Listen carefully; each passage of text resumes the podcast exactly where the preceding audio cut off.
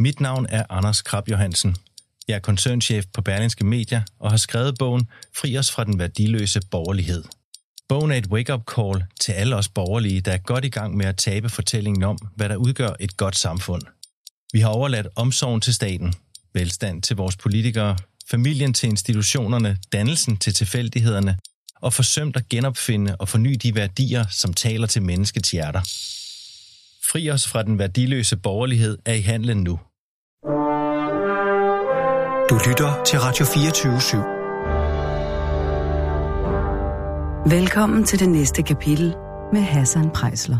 Hej, Nic- Hej. Nicoline. Ja, Øhm, øh, du er så gæst i det næste kapitel, og du hedder Nicoline Vivic. Vitic. Vitic. Mm. Sunshine Rasmussen. Altså det der sunshine, det er sådan noget, der egentlig bare øh, var på nettet på et tidspunkt. Ja. Jeg havde jo ikke lyst til at dele mit rigtige navn med sociale medier, så det er Altså, egentlig bare... ikke det, det Sunshine? ikke, nej, det er okay. bare sådan noget. Og, og så er du uh, rapper. Ja. Øhm, og man kan jo høre, når jeg forsøger at sige rapper, at jeg er over 50 år gammel. det lyder helt forkert, kan jeg godt høre. Der er noget med æret. Øhm, men, men altså, det er jo det, det er ligesom det, vi kender dig som, som rapper, fordi mm. du har lavet øh, nogle numre, som sådan har været markante og er blevet observeret øh, og lyttet rigtig meget til. Jeg tror, øh, Sut Min Klit var det mest lyttede nummer overhovedet, da det kom frem ikke, mm. på Spotify. Mm. ja. Øhm, men, men du er jo alt muligt andet også. Altså, du øhm, Altså det er også mig, der instruerer mine videoer, for eksempel. gør du det Ja, selv? ja. Okay. Okay. Producerer det, og ja. Ja. Så det er all me. Og så er du, øh, så er du også en kandidat i ja. Ja. fysik, og du er uddannet klassisk guitarist Mm. fra Kons, Mm. og læser jura. er det Ja, rigtigt? det har, ja. Okay. Altså, det er jo vilde ting for Ja, mig i det er bare sidegeschæft. Okay, altså øh, det vil sige, øh, din kandidatgrad i fysik og din klassisk guitar, ja. Dit klassiske guitarspilleri og din, dit jurastudie, det er en sidegeschæft til, Jeg synes bare, ja, jeg er bare optaget af alt muligt. ja. Og så øh, bliver vi også optaget Ja. af din kæreste og manager, Ja. Olga, som går rundt om os med et videokamera. Mm. Så hun er her. Og jeg har kun en gang før prøvet, at der var en øh, anden person til stede Ja. under første time af det næste kapitel. Og det var da jeg var hjemme hos Brian Sandberg. Der sad hans kæreste og kiggede på os imens. Ja, men jeg, jeg lægger slet ikke mærke til kameraerne længere. De har filmet mig et år. Ja. Ja. Øhm, nå, prøv at høre, Nicoline. Jeg, jeg har været, øh, hvad hedder det, rigtig for alvor nervøs inden den her samtale. ja. Kan du se Masser. det på mig? Ja, det kan jeg Hva? se. ja, jeg kan også mærke det i, hvad hedder det, min pande, jeg bliver lidt varm. Ja. her. Øhm, og, øhm, øh, og, og det var sådan, hvad hedder det, i nat, så øh, jeg sover i forvejen roligt. Ikke? Min ja. datter er lige kommet hjem fra Ægypten øh, ja. i går. Hun har været i Cairo i efterårsferien med sin mor, som er halv Ægypter. Mm. Øh, og så øh, lå hun ved siden af mig, øh, og, og på et tidspunkt vågner jeg op med hende, hun ligger så på min arm. Øh, og så tror jeg i min, altså, øh, hvad hedder det, forvildelse, at det er dig, der ligger der. Fordi I ligner faktisk hinanden. Altså, og hun har øh, fuldstændig det samme hår, som Ja. du har, og, og mørke øjne og sådan. Øh, og det var, øh, hvad hedder det, så kunne man jo forestille sig, at det var en dejlig drøm, ikke? Men det var det ikke. Det var en meget foruroligende Ja. drøm. Ja. Eller, det var ikke engang en drøm. Mm. Hvorfor har jeg det sådan? Tror du? Ja. Det er sjovt. Der er mange, der bliver intimideret af mig. Er det det? Ja. Så du, du har hørt det før? Ja. Jamen, hvor, jeg griner nervøst. ja. Hvorfor, øh, hvorfor er det sådan, Mm. tror du? Måske fordi jeg bare øh, ikke rigtig abonnerer på, på sådan alle de der sociale koder, og øh, bare siger tingene, som de er. Jeg er meget direkte. Svisken på disken. Mm. Og det kan nogen synes er hårdt. Ja. Ja, hvorfor gør vi det? Der var meget laden som om. Jeg lader ikke rigtig som om. Jeg gider ikke engang fake orgasmer. Nå. Da jeg var rappet. Ja, det, ja, det så jeg. Ja. ja øh, det er din seneste video, ikke? Øh, nej, den, den nyeste er faktisk øh, danskhed, den jeg smed Ja. ja. under valgkampen. Ja. Ja. Nå, men er det, hvad er det for en? Hvor er det det der med fake orgasme, hvor du Jamen, de er sut min klit, ikke? sut min klit, hvor, Ja, hvor der er hvor sådan nogle statements, sådan et, ikke? der, ja, nå, det er den, nej, det er en anden. Øh, den hedder NOCMMC, No One Can Make Me Come. Nå, det er rigtigt. No Ja. one can make me come. Ja. Der, der øh, kan jeg huske, der er sådan et statement Det er, før, på. jeg, det er faktisk noget, jeg lavede før øh, jeg begyndte at rappe, og det er sådan et popnummer, meget poppet øh, EDM-agtigt nummer, øh, med en tekst, der ligesom tager fat om det her med, at, øh, at langt de fleste kvinder har prøvet at fake, og 70-80 procent, Ja. kan jeg huske, der står på Ja. et af de skilte, Ja. der bliver holdt op i. mm, Ja. ja, og sådan noget oplysning om kvinders seksuelle anatomi. Ja. Øh, det her med, at klitoris altså er 9-13 cm lang under overfladen, som et isbjerg, ikke? som jeg også rapper i Sut min klit. Ja. Øhm, Jeg har altså også faked orgasme. ja, Altså, jeg kan jo ikke fake udløsningen, nej. men jeg kan fake begejstringen. Mm, Det har jeg gjort mange gange. ja. Det lyder trist. Ja. ja. Men hvis 80 eller 70-80 procent af kvinderne mm. Gør det, Ja. så er der garanteret også en del mænd. Ikke? Altså lige det nummer, det lavede jeg, fordi jeg synes, det var noget mærkeligt noget, at, at der ikke er mere sådan popmusik med øh, sådan noget virkelighed. Det blev meget, jeg synes meget, det er sådan Instagram-overflade-agtigt, ikke? Sådan, og sex, det er ligesom, film har været i mange år, nu er der ved at ske noget, ikke? Men altså mm. som det her meget polerede, overfladiske, øhm, som ikke tager fat i sådan nogle af de her reelle issues. Mm. Øhm, så jeg synes, det var helt sindssygt, at der ikke var sådan rigtig... Po- jeg synes, der manglede sådan en rigtig poppet nummer om noget, der er så udbredt som, prøv at høre, øhm, altså jeg har ikke noget problem med at få andre til at komme, eller jeg kan udmærket få mig selv til at klimaks i timevis, men hvad sker der for, at der ikke er andre, der kan få mig til at komme? Altså sådan helt den der problematik, ikke? Jamen, var det sådan på det tidspunkt? Mm, nej, ikke helt. Havde du svært ved at komme? Nej, jeg, altså jeg... Øhm, og det bliver meget personligt. Øhm, nej, jeg, jeg har ikke svært ved at komme. Mm. Øhm, Jamen altså, prøv at høre. Jeg kommer, lige inden jeg kommer, kom Ja. hertil, ikke, så Ja. kom jeg ud fra Bispebjerg Hospital. Ja. Øh, Jeg har været ude på, øh, hvad hedder det, Institut for Idrætsmedicin, fordi jeg har løbet så meget, at jeg har smadret mine hæle. Okay. Øhm, og det er ikke så alvorligt. Det, jeg skal bare pause, ikke? Men der, der lå, jeg ved ikke om den stadig er der, der lå øh, en klinik for øh, kønssygdomme ude på Bispebjerg. Mm. Øh, ved, ved du om den stadig er der? En det. An, nej. anyway. Men der har jeg været ude Ja. øh, flere gange, øh, fordi jeg ikke har kunnet få rejsning. Mm. Og jeg, øh, selvom de to gange før havde sagt til mig, jamen det er ikke en kønssygdom, det er noget mentalt, mm. Så cyklede jeg alligevel derud, fordi jeg var sikker på, at det var at der var, at det der var noget, noget der fysisk. var knækket. Mm. Ja. Mm. Øhm, Ja. Så, så øh, altså, jeg kender godt, hvad hedder det, forholdene omkring ikke at kunne øh, få orgasme også. Mm, mm. Ja.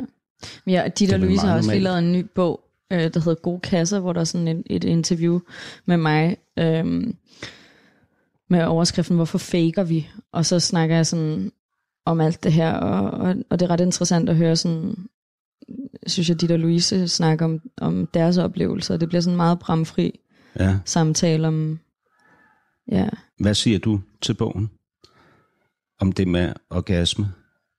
at jeg aldrig har været så optaget af please fyre. så øh, ja. Og Så, så, så du ikke ville fake? Nej. Mm. Nej, altså sådan, jeg kan huske første gang, jeg var sammen med en fyr, der skældte jeg mig ud, fordi jeg synes, det var så dårligt. der var jeg 15. Hvor gammel var han? Mm, 17-18. Ja. Ja, Jeg var 14, og hun Ja. var 15, ja. og jeg fik også skæld ud. Er det rigtigt? Det var på Norgesbåden på vej hjem Ja, fra Oslo. du fik skæld ud også. Ja. Ja. Altså, Kunne du lide det? nej. nej, nej. Altså, jeg, jeg synes jo bare, hun var så ekstremt lækker, ikke? Hun var Jo, måske også bare en end mig, reaktion og- på hele øhm, hele den der måde, samfundet sådan har, altså den der måde, vi vokser op, og, og jeg synes klart, der, er- der er sket et ryg nu, ikke? Sådan de sidste hvad, 15-10 år, ikke? Men altså det der med at vokse op med øh, film med to rykker og en aflevering-agtigt øh, akt, øh, seksuelt, ikke? Sådan, og hvad er simultane, simultane orgasmer hele tiden ud fra Nå, fyrens ja. præmisser, hele tiden sådan den der øh, støder to gange, og så var der Ja. simultan orgasme, og hele den der med, så sluttede han, så sluttede det hele. Det var ligesom det, den der øh, mærkelige fixering, sådan meget uligebyrdigt, og øh, til Libras øh, Always reklamer med blå væske, og sådan, altså, bare alle de der mm. og jomfruhindemyter, og ja, Altså, jeg, jeg tror, eller jeg, jeg vil sige for mit eget vedkommende, og alle dem, jeg har talt med, som er mænd i dag og var drenge dengang, så har det jo været tilsvarende, øh, et tilsvarende pres for dem at se Ja, den klart. type film, ikke? Fordi, Ja. Jeg synes, jeg, jeg synes også, det er meget vigtigt at fremhæve, at det ikke er sådan en drenge mod pigerne. Jeg synes virkelig, det altså min mission med, med Klit for eksempel, det var jo meget det her med at befri alle. Mm. Jeg rapper jo også det her med maskulin og feminin er bare yin og yang inde i os alle. mm, Klitus er 13 cm lang under overfladen som et isbjerg. For gav med din misdreng, røv min fisse en puma, hør den his. øhm, og, og det er jo ligesom, jeg, jeg synes det, altså jeg oplever, jeg har hele mit liv oplevet, at, at om jeg har sådan kemi med nogen, det afhænger slet ikke af køn, det afhænger af, af personligheder. Jeg synes, der er meget større forskel på folk sådan individuelt, end der er sådan på rubrikken øh, pige-dreng. mm. Men på grund af konstruktionerne i det mindste, mm. er der jo... Øh, altså fordi, øh, hvad hedder det, jeg- jeg ved jo ikke, om det er biologi eller konstruktion, men jeg har jo levet i, det mindste i en konstruktion hele mit liv, ikke, omkring køn. Mm. Og den, det pres, der har ligget på mig som mand, mm. det deler jeg med andre mænd. Og jeg siger ikke, at kvinder ikke har været udsat for mm. et pres, fordi selvfølgelig har de det. Mm. Men der er bare noget meget specifikt omkring det, vi skal kunne som mænd. Mm. Altså det, det er helt konkret, ikke? Man, altså, når, hvis du bladrer op i Euroman, ikke? Jeg ved jo, hvordan du har det med damebladet. Dem, du synes, de er Jeg foretrækker helt klart Euroman frem for Eurowoman. Men, men prøv en gang at tænke på Euroman, ikke? Når du mm. bladrer op i det, så er der reklamer for store, enormt dyre biler. Mm, mm. Øh, der er reklamer for øh, tøj, Ja. øh, og også nogle øh, gadgets. Ja. Ikke? Og så er der artikler om mænd, som har gennemlevet en krise, men rejst sig igen, mm. og nu Ja, er det de er meget det stærkere og mere magtfulde, end de nogensinde har været mm, før. Ikke? Mm. Altså det, det er jo det, man læser sig Ja. til, at man skal være som Der er ikke nogen hvis man- sårbarhed rigtigt. Nej, ikke rigtigt. Nej. Så er det en sårbarhed, der så har ført til, at du i dag er mm. endnu mere magtfuld, end du var før. Mm. Du erkendte, at din sårbarhed mm. kunne være et redskab til at opnå magt, for eksempel. Ja. Vilde ting. Jeg, jeg vil gerne lige... At vi er jo her hos dig, øh, Nicoline, og din kæreste og manager, Olga, mm. som som sagt går rundt og filmer øhm, på øh, Og mit en- overmalede køkkengulv. dit overmalede køkkengulv. Ja, det er rigtigt. Der er, hvad hedder det? Jamen, der er sådan nogle malerrester. Hvad er det? Er det sådan noget, det er sådan noget kridt, eller hvad? det var sådan spontant, øh, her sidst jeg var ude, ja. så lavede vi sådan nogle øh, hvide malerdragter med alt muligt på. Altså Fuck sidst du var P3. ude, ude Jamen, at drikke? sidst, nej, sidst jeg var ude og spille. Jeg okay. drikker ikke. Øhm, Drikker du ikke? nej, Hvorfor ikke? det siger mig ikke noget. Jeg kan ikke lide smagen af alkohol. Nå, Unødvendige kalorier. okay. Nå, altså, hvad gjorde I så? Ikke sådan som et eller andet princip, der ligger ikke noget sådan religiøst i det, eller et eller andet. Der sådan, jeg har da smagt nogle virkelig lækre rødvine og, og noget champagne, som jeg synes var okay, men så når jeg bare meget hurtigt til sådan et, mm, okay, nu var det en lækker smag, nu har jeg ikke brug for mere. Så det der, øhm, altså det der, der ligger i ligesom at drikke og give slip og sådan noget, det, det søger du ikke? Nej, og jeg har heller ikke noget problem med at slippe. Altså til fester, sådan, jeg er helt hæmning, hæmningsløs anyway, så der er ikke sådan, Er du det? ja, ja. Ja. ja. Der skal, der, altså, mig fuld, det vil bare være mig, der sådan mister balancen, og så kan jeg ikke danse mere, og det er jo ikke sjovt. Og så vil jeg sikkert sådan mentalt være rimelig meget det samme sted. Ja. Ja. Jeg har sådan noget, når, når jeg drikker, så bliver jeg mere, øhm, jeg bliver fysisk modigere. Det vil sige, at jeg tør danse. Det gør jeg virkelig helst ikke, når jeg er ædru. Øh, men jeg bliver, jeg bliver blødere Mm. af at drikke. Altså, Du virker ellers meget blød. ja, men, men, ja, men, men jeg, øh, altså i, i, i de, de sådan nærmeste relationer, ikke, mm. der kan jeg godt, øh, når jeg panikker, bliver jeg hård. Øh, mm. Altså, det er, jo, det er jo helt klart gennem mit liv været min ting, at jeg blev hård, når jeg blev presset. Mm. Øhm, følelsesmæssigt. Jeg bliver også helt klart hård, før jeg bliver ked af det. Tit. Ja. Ja. Du græder ikke. Og masser. Gør du? Ja, ja. Hvornår? Det øh, som regel, når noget rører mig, og jeg synes noget er smukt. Ja. Jamen, det gør jeg også. Jeg, øh, altså, i går så jeg sådan noget American Idol med min datter, og så græder vi. Nej. Ja. Og jeg det græder lyder også, øh. Jeg græder også hver gang vi ser Nemo. Ikke? Ja. Men, men det er jo sådan en sentimentalitet. Ja. Og, og, men, men græder du også sådan, når du er ked af det? Eller bliver du kun vred? Oh, det kommer virkelig an på, hvad det er. Kan Olga gøre dig ked af det, så du græder? Mm. Nu kigger du over på Olga. Og Olga griner. Uh, jeg synes, jeg er mere vred, ikke?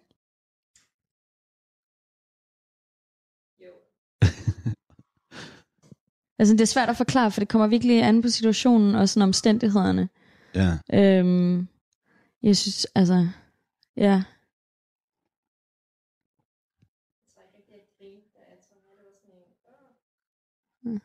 Nå. Mm.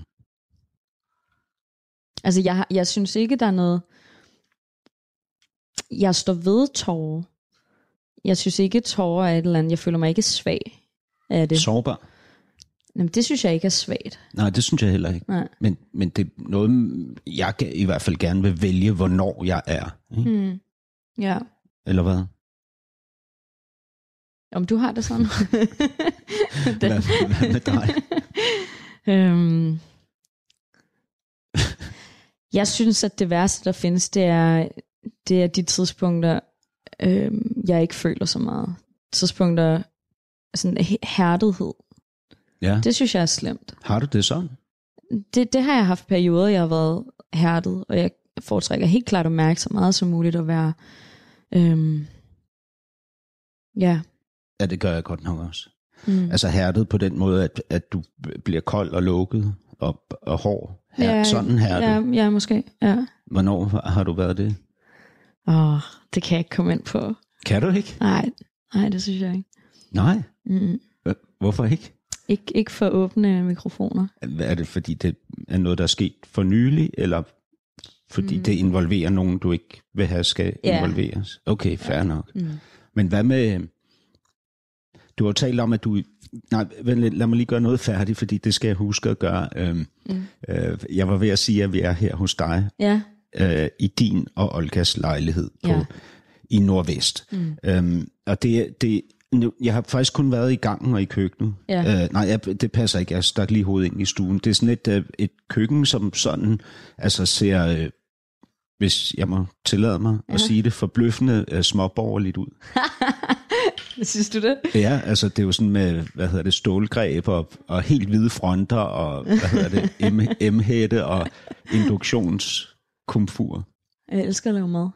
Ja, men meget pænt i forhold til, jeg, jeg tror du, I ville bo vildere.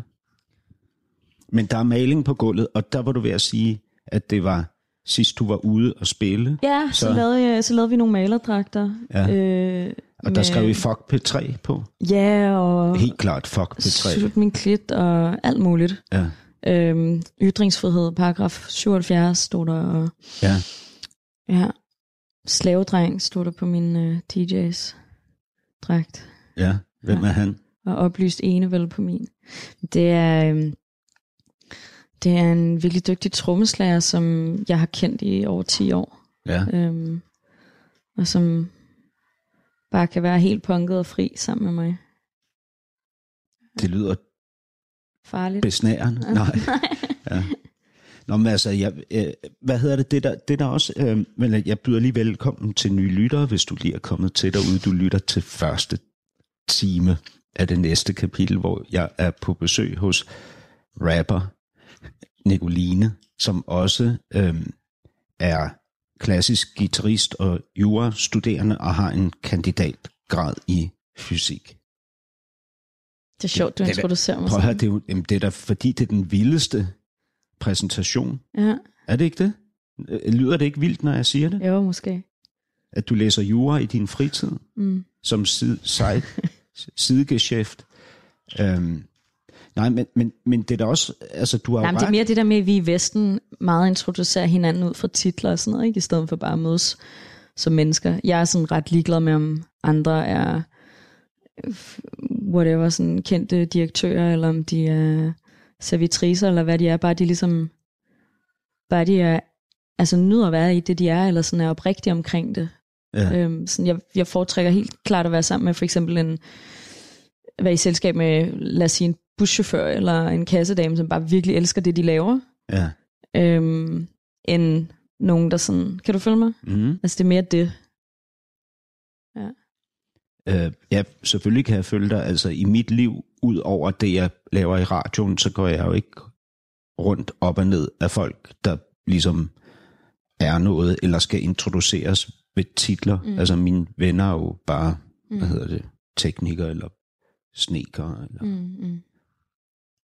Men, øhm, men det der med nervøsiteten, altså det, jeg kan jo Ja, stadig det kom vi mærke ikke frem den, til, hvad, Men- hvad årsagen var ja, til men, det. men jeg kan også godt mærke, når du siger det der med, at du, øh, altså du er ligesom ligeglad med de ting, og du, øhm, at du, at du fortæller, at du ikke drikker alkohol, fordi du behøver ikke at gøre dig fri af noget, der hæmmer dig. Øh, og, og alt det, jeg ligesom læser om dig også, at du siger om dig selv, at du er en vinder, for eksempel. Mm. Ikke? Altså alle de ting er, er helt klart, som du foreslog lige før, provokerende, men det er jo også besnærende.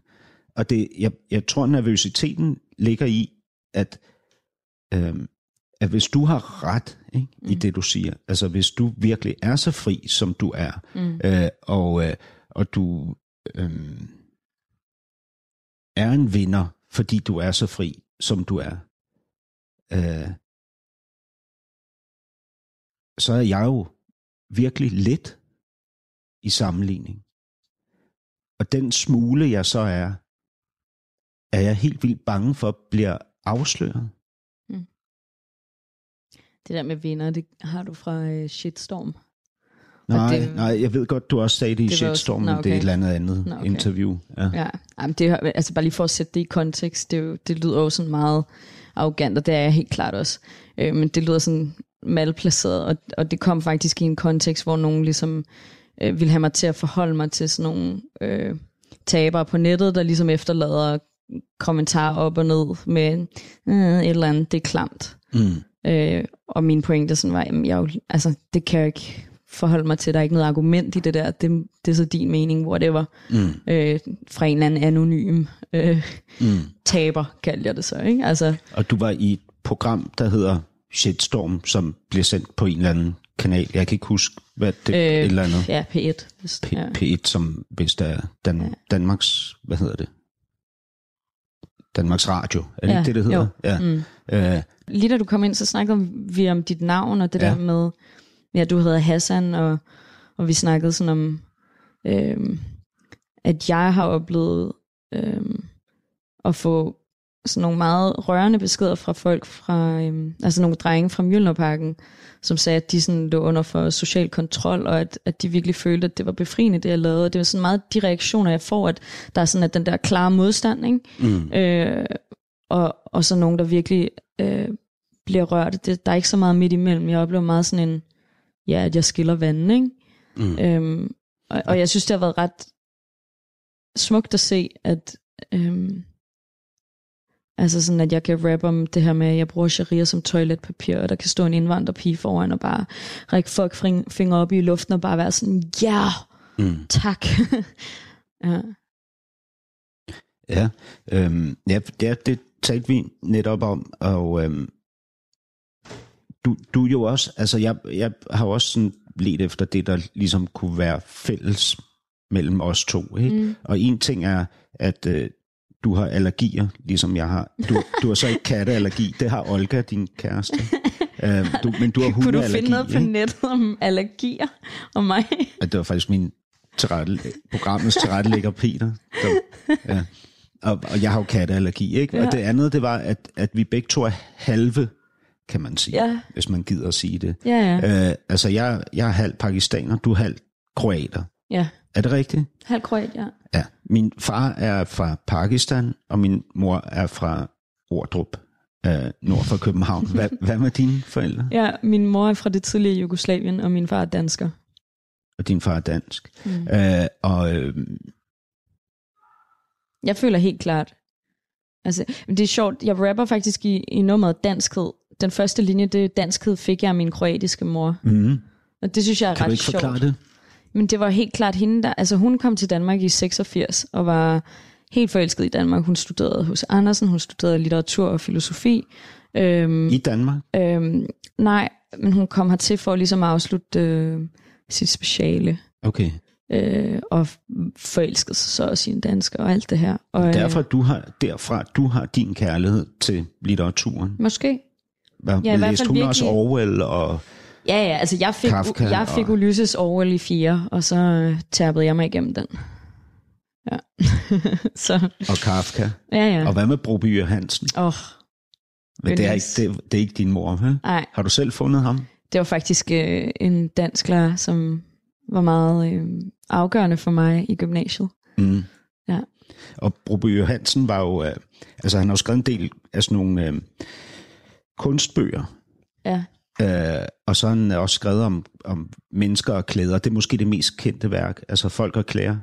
Øh, For mig er det jo blod. ja, helt klart Ja. blod, men jeg tror måske... Der, nej, det rigtige blod solgte jo vildt mange... Øh, Ja. og blev forbudt i 1922 og kom først i andet oplag ja. i Ja. 1968, Ja. tror jeg. Ja, det er ret Ja. vanvittigt. Det er 13 sider eller sådan noget, ikke mere? 13 det forandrede sider alt. tre digte, ikke? Ja. Ja. Nej, ja. Er det ikke sådan? Blander jeg det sammen med noget andet? Det kan godt være, jeg gør det.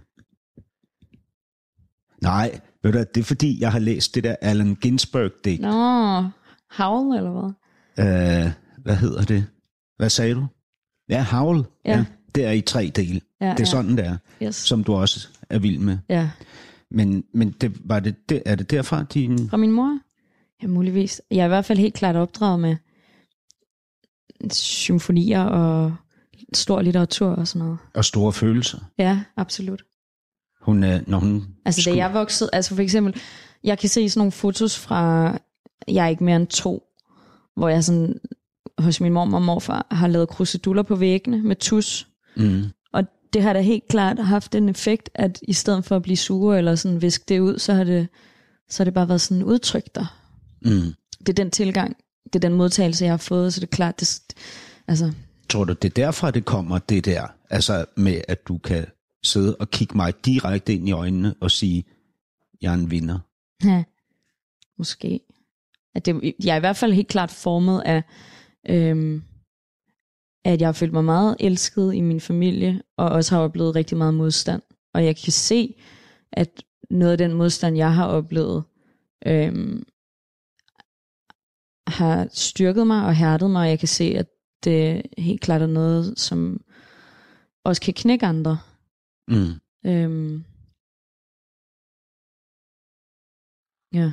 Altså knækker, at man slår sig på dig på grund af, Nej, at ikke det, på den måde, men jeg kan se for eksempel, Nå, at, altså nu lever hvis vi jo- andre havde led, gennemlevet det. Ja, altså vi lever jo sådan, jeg synes, der er ret meget oppe i, i medierne med mm, krænkelsesparathed, og sådan, hvor jeg nogle gange kan være sådan, kan du ikke bare blive stærkere Mm. I stedet for? Er det irriterende med den der, hvad hedder det, skrøbelighed? Jeg synes, åh, det kommer også an på, hvad det er. Ikke? Altså jeg kan, jeg kan udmærket følge for eksempel øhm, i filmindustrien. Ikke? Kampen for flere kvinder, kampen for flere sorte. Det er jo helt sindssygt, at vi kommer frem til 2019, før vi altså øh, ser en superheltefilm med en sort hovedperson. Og sådan. Altså, min pointe er bare, der, der er jo, jeg, jeg kan sagtens følge vreden øh, og frustrationen i forhold til sådan at have været øh, underrepræsenteret, og det kan jeg jo også dels som kvinde og LGBT og alt det her. Jeg synes bare, der er, der er, sådan, der er nogle ret uhensigtsmæssige og irrationelle reaktioner også i alt det, Mm. som jeg ikke rigtig øh, identificerer mig med. Mm. Altså som hurtigt bliver sådan den der med, Nå, men så er du en hvid ciskønnet mand, og så kan vi automatisk ikke lide dig, og så er du automatisk sådan og sådan. Det synes jeg bare er intolerant og dumt, altså. Mm. Jeg er jo ikke hvid. Nej, nej, men ja.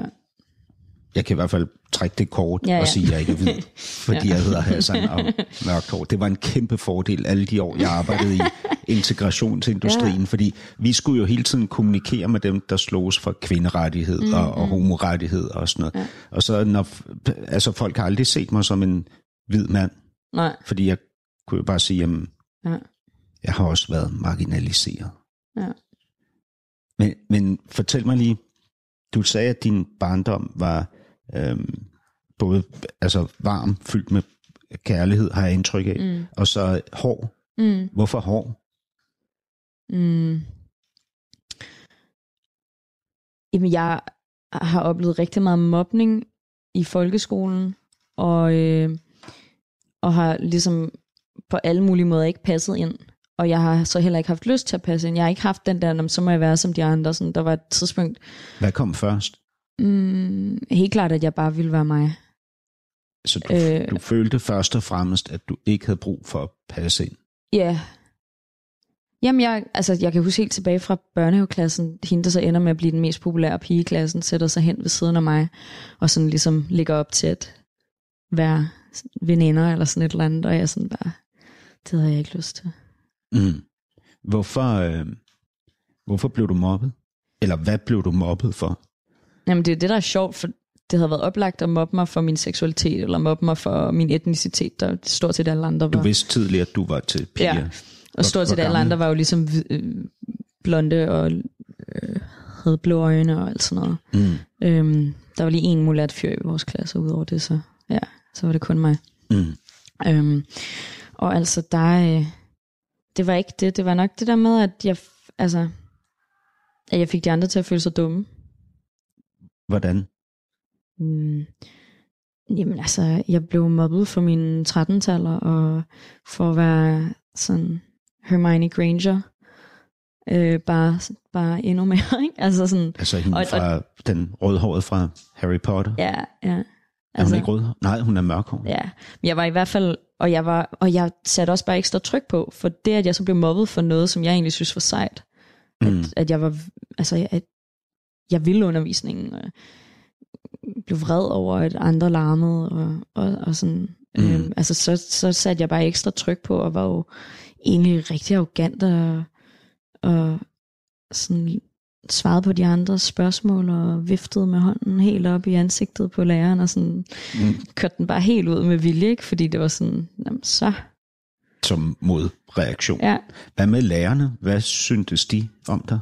Det var 50-50. Dem, som var virkelig dygtige og, og sådan kunne deres shit, de elskede at have en så ivrig øh, studerende, som, som kunne udfordre dem, og, og, og dem, som, altså, og så var der også nogen, der reagerede med, med sådan, altså hvis jeg i rette sat en fejl, læreren havde, eller sådan noget, så kunne det jo blive irritabel over det, ikke? Men når du så siger, at din barndom både var varm og kærlig, Mm. øh, og det går jeg ud fra, at der, når du siger det, så refererer du til din mor især. Ja. Øh, og Men at, egentlig også i forhold til, altså jeg, jeg, havde også, jeg havde også varme følelser over for den der klasse. havde du det? Ja, det havde jeg faktisk. Og det var jo nok det der med, at jeg på et ret tidligt tidspunkt snakkede med min mor om det, og ligesom indså, at mobning og alle de her gruppeidentitetsdynamikker øh, kommer ud af usikkerhed. Og da jeg ligesom så det, så fik jeg empati mm, med dem, der mobbede mig. Hvordan det? Mm, altså i og med, det var det, det udsprang af usikkerhed. Altså ja. Ja. der var for eksempel en af pigerne, som mobbede mig, og så på et tidspunkt er jeg alene med hende, og så kommer hun hen og sådan, Nicoline, jeg, jeg synes bare, du er virkelig smuk. Nå, Altså så der var sådan nogle nå. maskefald. Hvordan havde du det der i det øjeblik? Jamen det var bare en bekræftelse af det, jeg allerede følte, at det, det kom af noget usikkerhed. Ikke? Ja, men ret vildt, at hun ligesom så tager skridtet Ja, men så fik, ind i så fik jeg jo, usikkerheden, ja, og så fik jeg jo ligesom på en eller anden måde bare varme følelser ikke? ja. over det der. Så det var sådan, Hvordan var hun så næste gang, I var foran de andre? jamen så kommer det der gruppeidentitet. Så fortsatte det? Ja, ja. Ja. Okay. Men, men når du så siger, okay, det, din barndom var, var dels øh, varm og kærlig, mm. øh, især på grund af din mor, men også på grund af følelserne for den klasse og din forståelse af øh, de, de der børn, der mobbede og deres øh, baggrund for det. Mm. Øhm, og på den anden side, den var hård øh, på grund af mobningen. Ja, det var jo også hård på grund af øh, borgerkrigen i Jugoslavien, og jeg var jo adskilt fra min familie, altså fra min mormor og morfar i virkelig mange år, ikke? Ja. Og sådan alt det, jeg hørte om, om altså jeg var jo, jeg var i Jugoslavien jo i 98, nej, Ja. ja. 95, sorry. Øh, Jeg var i Jugoslavien i, i, i 95, og så ligesom de her soldater med maskingeværer og bombefly og strøm, der ikke var... 8-9 år alt sådan gammel. Ja, nemlig. Mm. Mm, Så, så jeg har jo, altså, og jeg har hørt min mormor og morfar fortælle om oplevelserne under 2. verdenskrig og sådan noget, så, så jeg har ligesom en familie, der, jeg er nok bare meget ligesom dem. Altså, jeg, min mormor og morfar, de har jo oplevet det værste, du kan forestille dig mm. øh, under 2. verdenskrig, og de har alligevel formået at komme ud af det, uden at blive øh, hårde. De er stærke, men de, de er også varme og imodkommende over for andre mennesker. Og det synes jeg har været, det har påvirket mig helt sindssygt meget at se, at det er muligt at, at opleve så meget smerte, opleve så meget fascisme, uretfærdighed, øh, se din familie blive dræbt, dine forældre blive dræbt mm. foran øjnene på dig, og så alligevel ikke tørste efter hævn, men i stedet for møde andre med åbenhed. Og, øhm, Er de sådan, ja, din det er mormor og morfar? Ja, det er de. Det synes jeg er ret... Hvad med din mor? Hun er meget på samme måde. Ja. Ja, Altså mild? bare meget human. Hvad, hvad betyder det? Mi- øh, altså, det er jo ikke bare mildhed, for de har helt klart også stor hårdhed og styrke. Øhm, det er bare ikke sådan, at de bliver reduceret emotionelt. Mm. Det har ikke reduceret det varme og det øh, sårbare og det, det der med at vise følelser, ikke? Mm. Øh, og det der med at ture føle og, og, og sådan, ikke? Fordi altså, det er jo det, der kræver det største mod. Ikke? Ja, ja. ja. Jamen helt klart. Men, men Og jeg er jo også, altså... Ja, altså det der med at vokse op i Danmark, og så, og så vokse op med en mor, der... Og, og det er bare sådan, det er. I, altså på kroatisk, der kalder vi hinanden... Altså forældre kalder deres børn for min sol, mit lys, mit liv, min mm. sjæl. Altså, det, altså ikke bare skat nej, eller nej, det, det, ja. ja, altså det synes jeg da også på en eller anden måde har... Øh, Mm. ja. Hvad med din far? Din danske far? Min far har jeg ikke... Hvad hedder din mor? Min mor? Mm. Snevide, Snæserne. Er det rigtigt? Ja. Betyder det snevide? Ja. Hvor vildt. Ja. Hvad hedder din far? Øh, Jan. Okay. Også lidt en kontrast. ja. ja, men de var meget, øh, altså sådan meget kontrastfyldte. Min far sådan, jeg har bare ikke rigtig været vigtig for mig.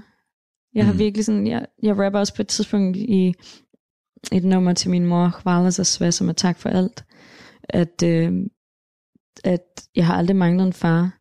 Du var alt for mig, min søster, min bror, min far og min mor. Det er virkelig sådan, jeg har det. øhm, ja, Men har du kontakt til ham? nej. Og det har du ikke haft.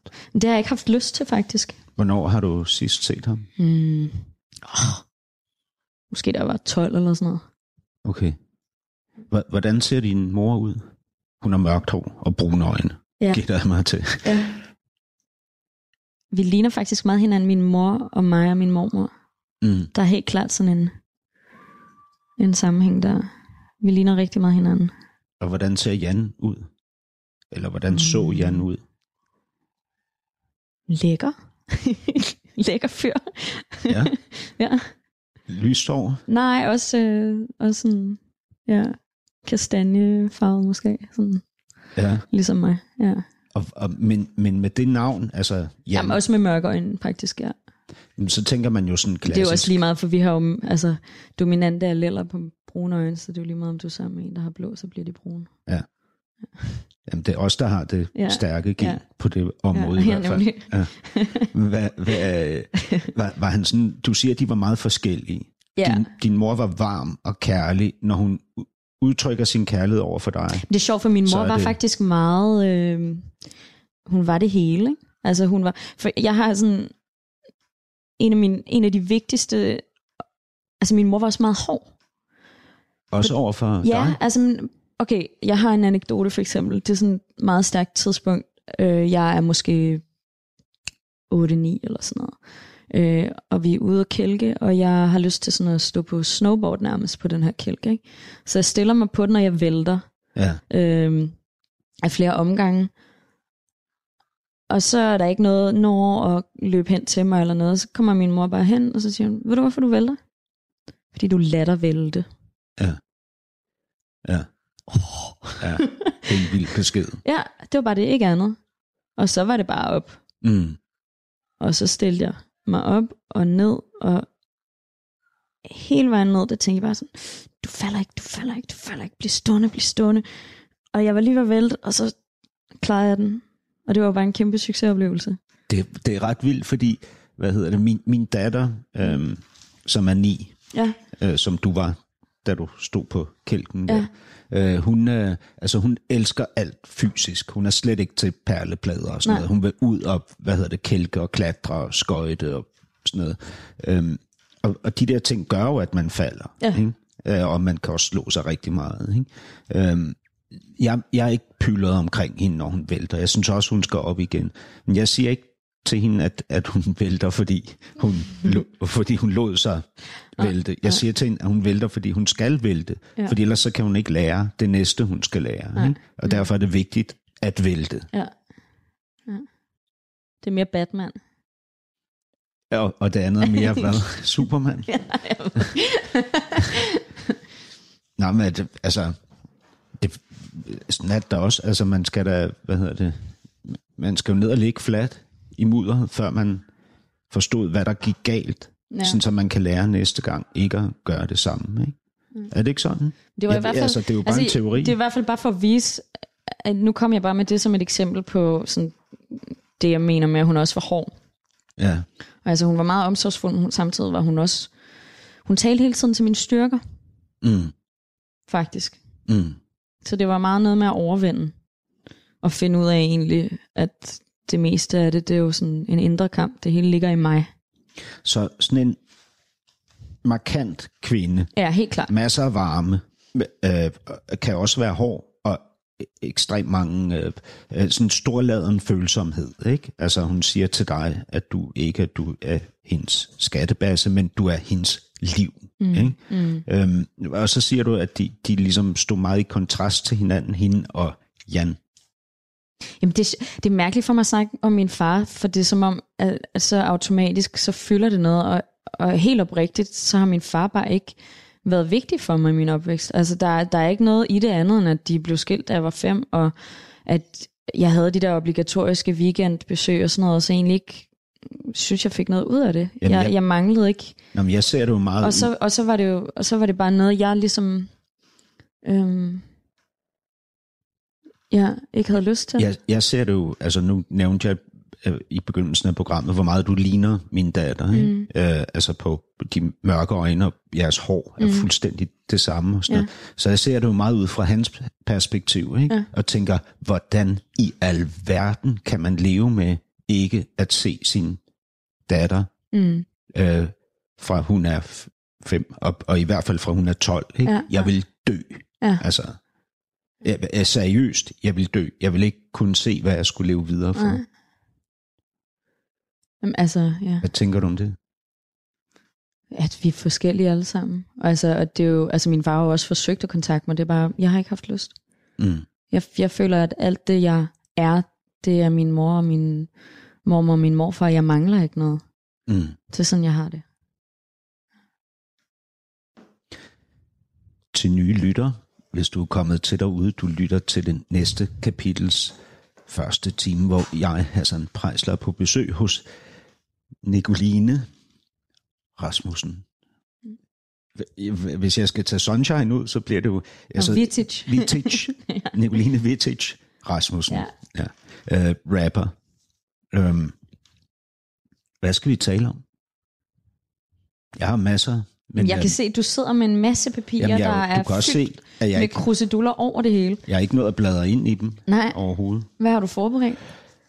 Altså det her over, det er faktisk, øh, hvad hedder det, øh, noget jeg lige har printet omkring øh, Broby Johansen, og så øh, om de bøger, de forskellige forfattere, du har læst. Ja. Øhm, Nå jo, Broby Johansen, han taler om det der luder Madonna noget, øhm, du ved, i øh, øh, blod. Ja. Han siger, det ligesom er om kvindens indre modsætning. Jamen, prøv at er- høre, det der rørte mig ved Broby Johansen, det var slet ikke, øh, det er ikke det indholdsmæssige. Jeg føler ikke, at vi sådan har noget til fælles der egentlig. Det er mere reaktionerne. Ja. Og det er mere den der flabethed i retten. Og, øhm, ah. og, og, og, og det at, altså, mm, gurglende lige kønskryber omkring en abort og sådan noget.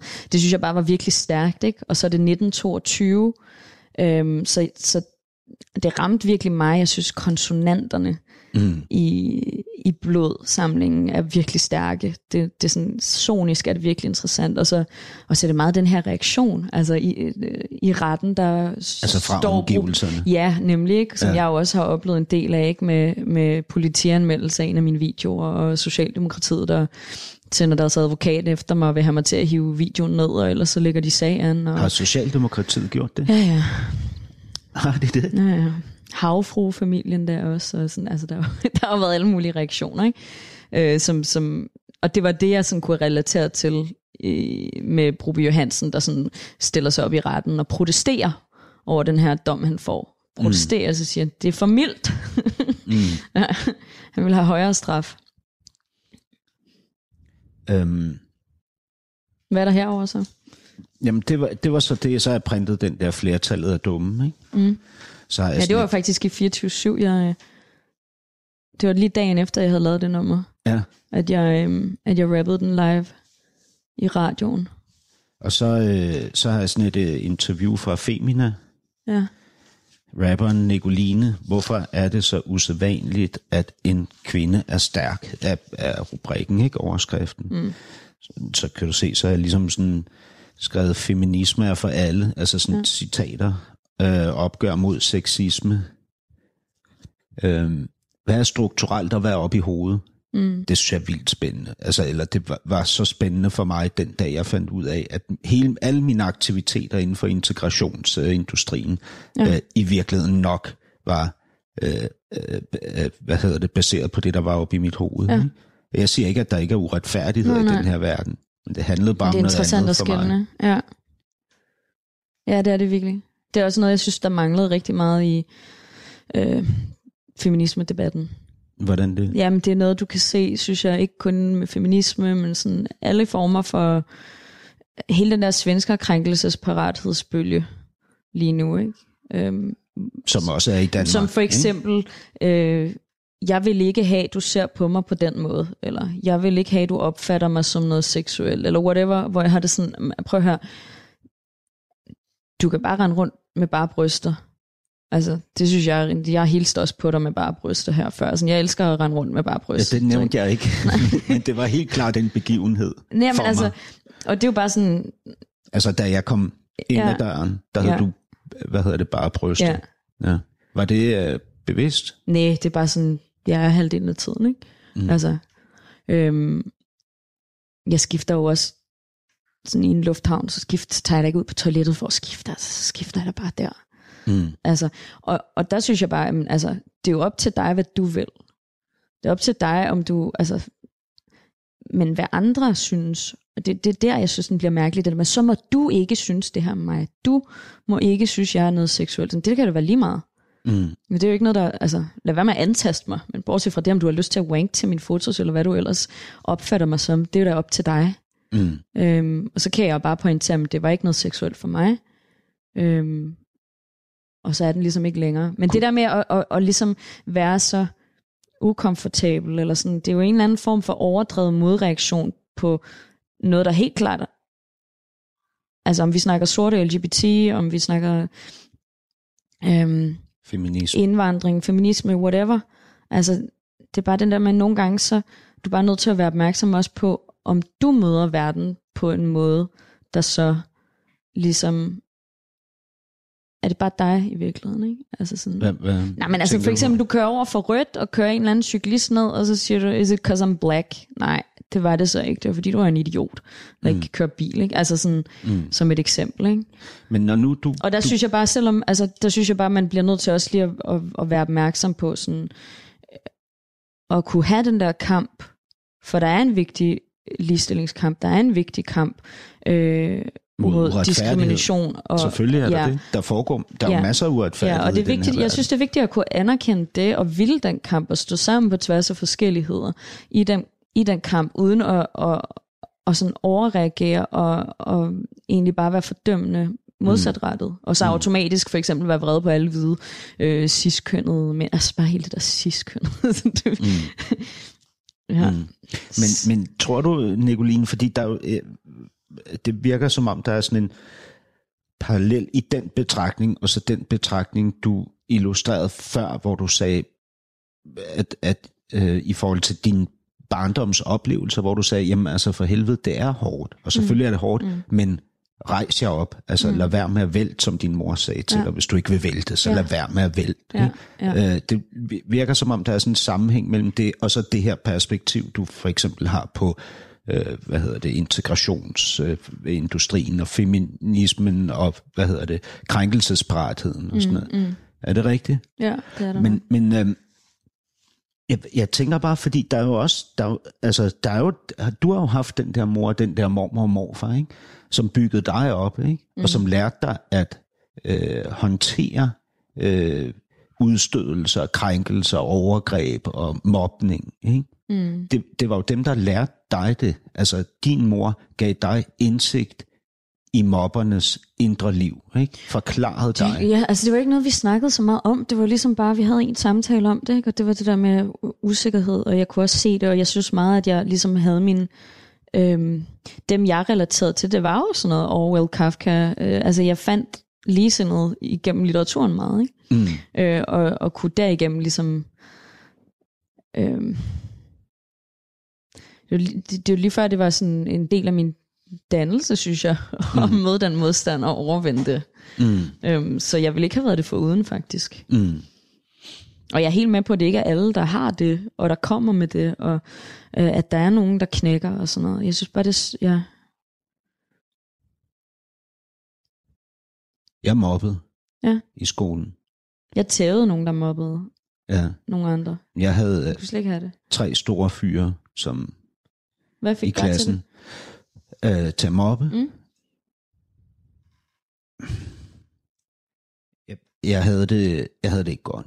Altså, jeg var... Øh, jeg, jeg led af sådan noget massiv natteangst, sådan nogle vågne mareridt, og øh, altså var, var ekstremt ulykkelig. Mm. Øhm, og når jeg ligesom stod op om morgenen, så kan jeg huske, at jeg havde det der, når jeg gik der med skoletasken på ryggen, der havde det sådan, det helvede, jeg syntes, jeg gennemlevede om natten, det skulle der i hvert fald ikke være noget af om dagen. Mm.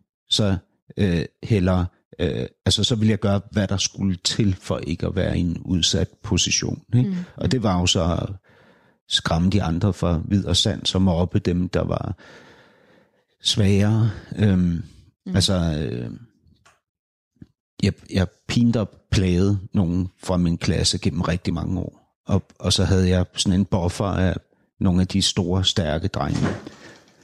Oh, shit, mand. Ej, hvor blev jeg forskrækket. Ej, det var helt syre. Du, du sprang frem mod mig der. Ja. Mente du det? Nej, sådan havde jeg reageret i skolegården nu, vi voksne. Så. Ej, men det var bare... Det er jo folk, der har det skidt. Ja. Ja. Ble, blev du vred på mig? Nej, det var faktisk bare øh, for at se din reaktion. Hvordan var min jeg, reaktion? jeg, jeg tillod mig lige at agere karma. Ja. Hvad gjorde du? Sprang frem mod dig aggressivt. Med, Med, med meget, med meget dræberblik. blik i øjnene. Ja. ja. Blev du vred på mig? Hvad? Nej, jeg var faktisk ikke vred. Jeg synes, øh, jeg, jeg fik mere den der omsorg, som jeg også følte over for dem, der mobbede mig. Mm. Mm. Men det er jo også det, Jeg synes, jeg, det er et ekstremt eksempel lige nu, det er Paludan, ikke? Hvad med ham? Føler du omsorg for ham? Mm. altså jeg mødte ham, jeg rendte tilfældigt ind i ham. Øh, Nej, prøv at høre, vi er gået over tid. Nå, okay. Jeg bliver nødt til at stoppe, undskyld. Det er Prøv at høre, okay. jamen, fordi vi redigerer ikke i det her, vi er Nej. gået to minutter over tid. Ja, Øhm, så det bliver bare sendt, Ja. og så øh, taler vi videre i næste time Ja. fra det her øjeblik. Tak fordi jeg måtte komme og besøge Ja, dig. Nicoline. Du lytter til Radio 24 Velkommen til det næste kapitel med Hassan Prejsler. Ja, Nicoline. Og nu har jeg simpelthen, øh, nu roder jeg lidt rundt i papirerne her, det er fordi, jeg skulle lige have, jeg havde skrevet dit efternavn sådan, som det bør udtales. øh, Det var Vitic. Vitic. Ja, Nicoline Vitic Rasmussen. ja. Øh, tidligere kendt som Nicoline Sunshine. kendt som. Ja. ikke? ja. Øh, nå, men øh, velkommen tilbage. Nu er vi så øh, her hos mig. I det på, næste kapitel, som er det sidste kapitel. Ja, ja. Det er Det, virkelig- kan man jo aldrig sige om noget, at Nej. det er. Fordi, hvad hedder det? Jamen, der lå blomster ude foran 24-7, ikke? Det er Ja, meget vemodigt, synes jeg. ja. Det er rigtigt. Ja. Øhm, jeg vil, jeg vil øhm, gerne sådan øhm, starte op omkring det, hvor vi sluttede sidst. Fordi øh, Ja. lige inden vi sluttede, Ja. der øh, lavede du sådan et, et fysisk udfald mod mig, hvor du sådan ligesom, øh, altså du, øh, du, ja, ja, du spurgte mig om, hvorfor jeg mobbede mm. som barn, ikke?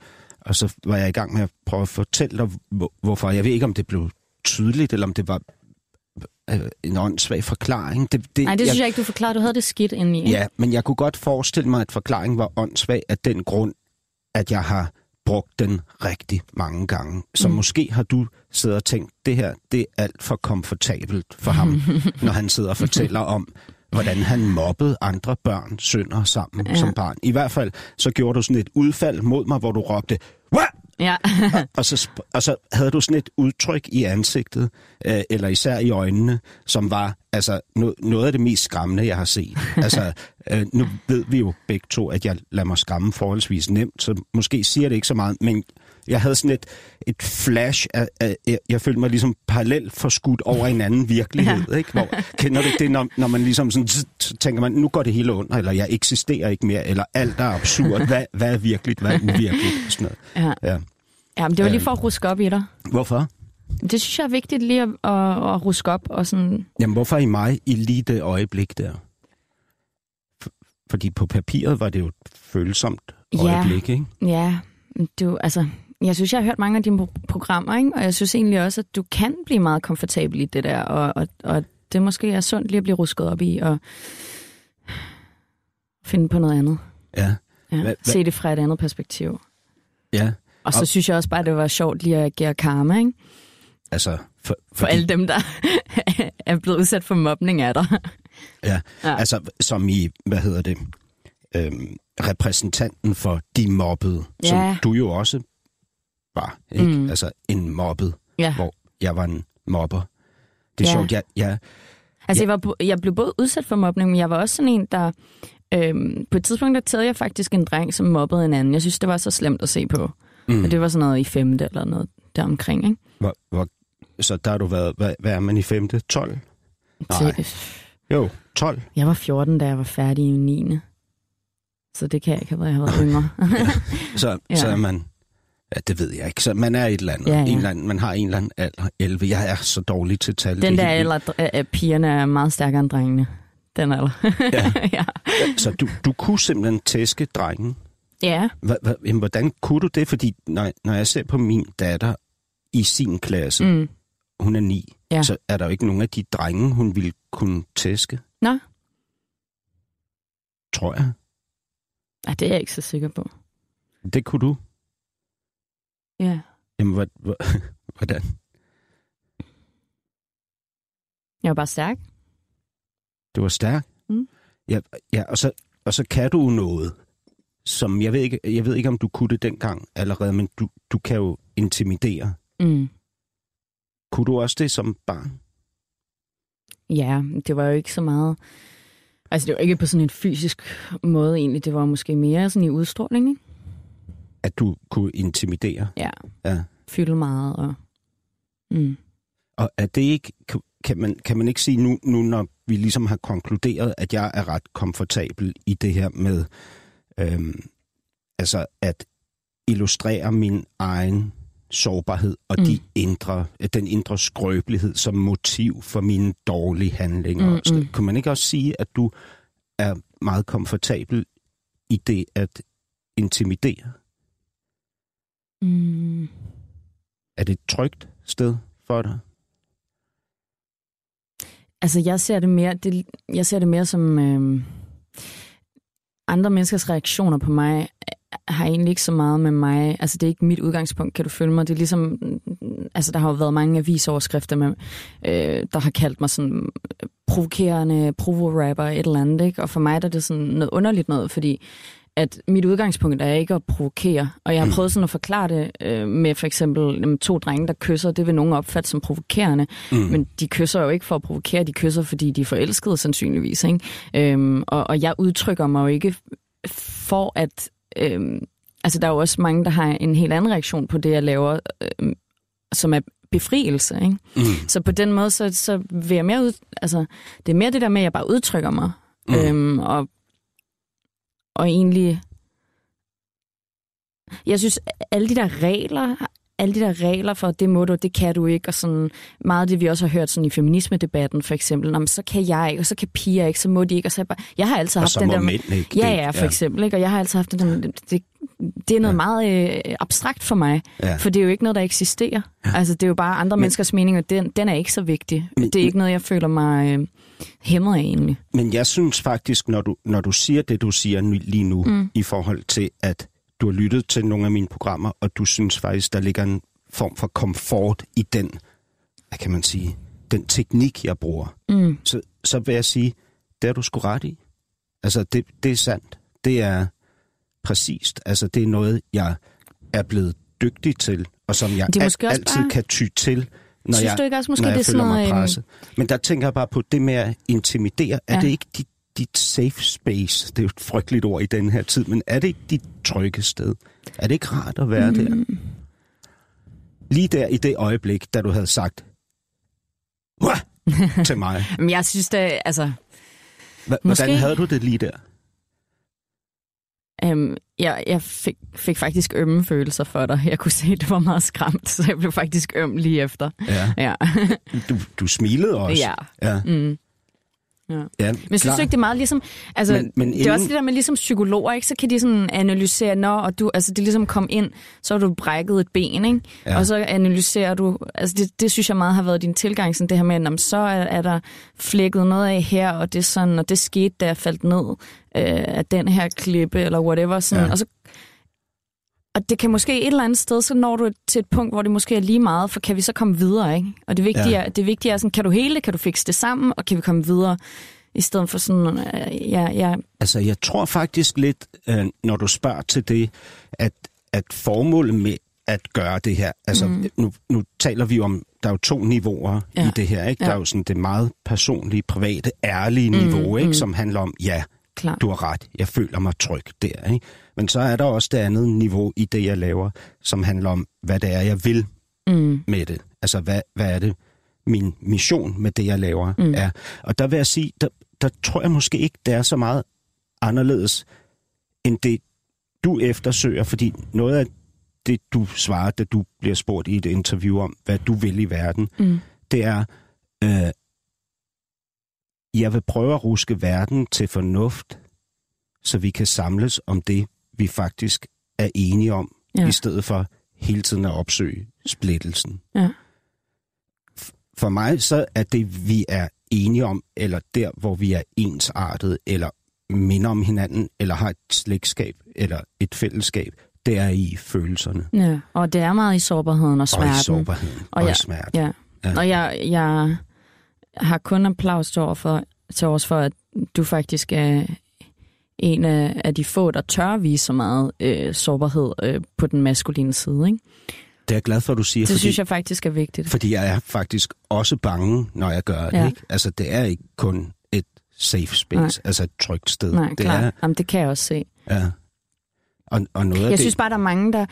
Øh, og, og det kan vi alle sammen komme ud i, ikke? Det der med at måske blive for... Øhm, så skete der det, det med mig, og det var hårdt, og så bruge det som en undskyldning i stedet for en... Øhm, Det er jeg helt enig i. Ja. Det er det kedeligste i verden.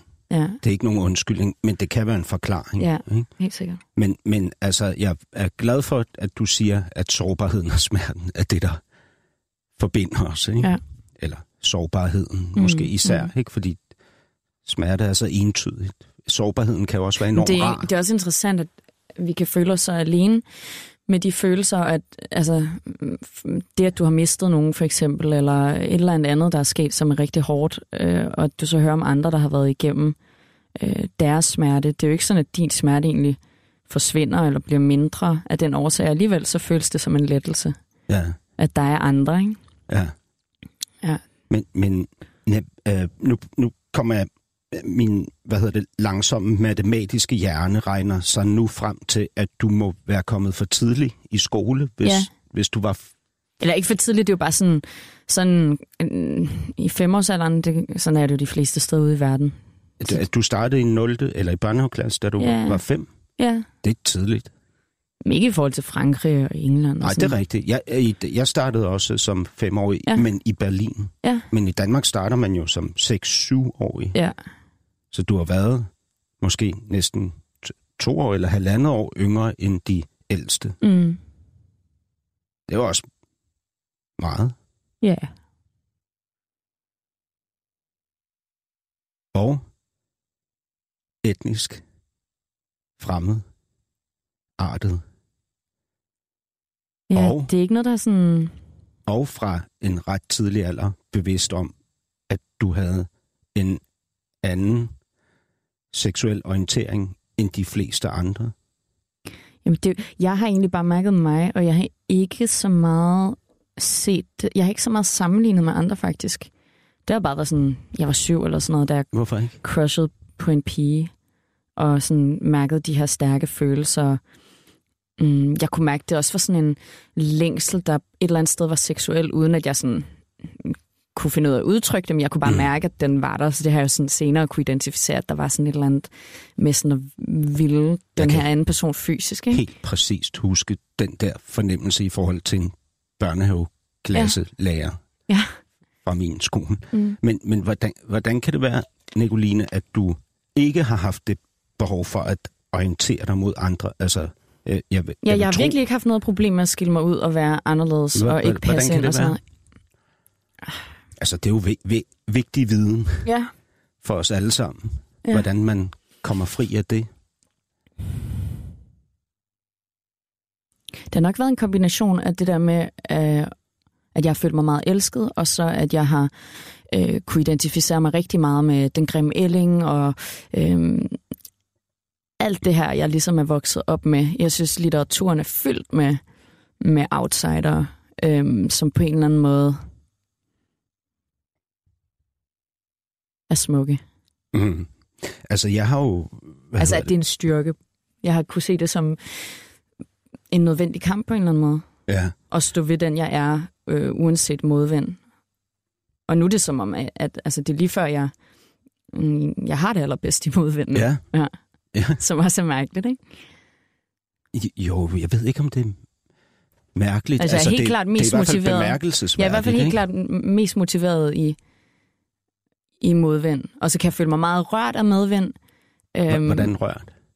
Men altså for eksempel øh, til koncerter, hvor jeg kan se, at folk får tårer i øjnene, eller virkelig sådan føler det her, og vi har sådan en symbiose, der kan jeg blive virkelig rørt, ikke? Og sådan alle de der øh, beskeder, jeg får fra folk, som lytter til min musik, eller har set min video og bliver påvirket af det, og, og, og føler sig befriet af det, jeg laver. Mm. Altså det, det er virkelig noget, der rører mig. Mm. Øhm, og det er jo medvind, ikke?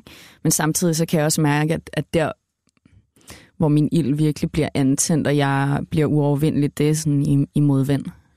Altså, nu, nu tænker jeg sådan på, altså for, for mig, så i min, øhm, i, i mit matematiske øh, system, som du jo også påpeger, jeg ofte dyrker, altså det der mellem den nutidige situation og barndommen, mm. ikke? Øh, der, der giver det rigtig god mening, at du siger, at fordi du har været elsket, har du ikke haft brug for at orientere dig mod flokken. Mm. Ikke?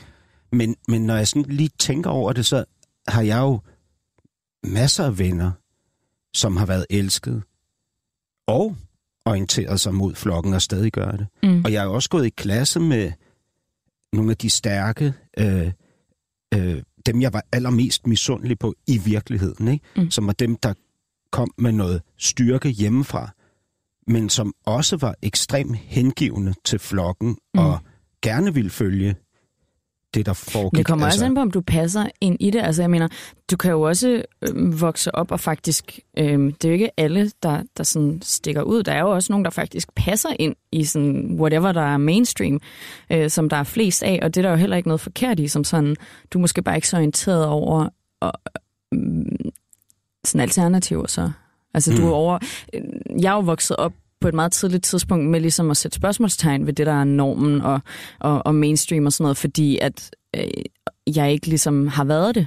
Og det, Mm. mm. det tror jeg er meget fælles for alle, der sådan på en eller anden måde tilhører en minoritet, om det er etnisk eller seksuelt eller whatever, ikke? Altså Eller som øh, musiksmag eller et Ja. eller andet, ikke? Altså det, Altså, eller som bare er blevet udstødt og mobbet. Mm, Ikke? ja. Altså, fordi du, når, når man ligesom sådan... Mit indtryk er ikke, at du vil sige, at det er din seksuelle orientering eller din etnicitet, som er skyld i, at... nej, Bla, og det er bla, heller ikke bla. noget, jeg nogensinde egentlig har skubbet foran mig. Kan du følge mig? Altså det, Ja, det har meget været, det har jo faktisk været som- min identitet meget.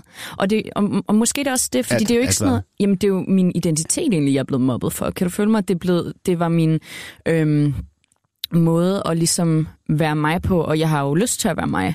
Jeg har hele tiden stået ved det.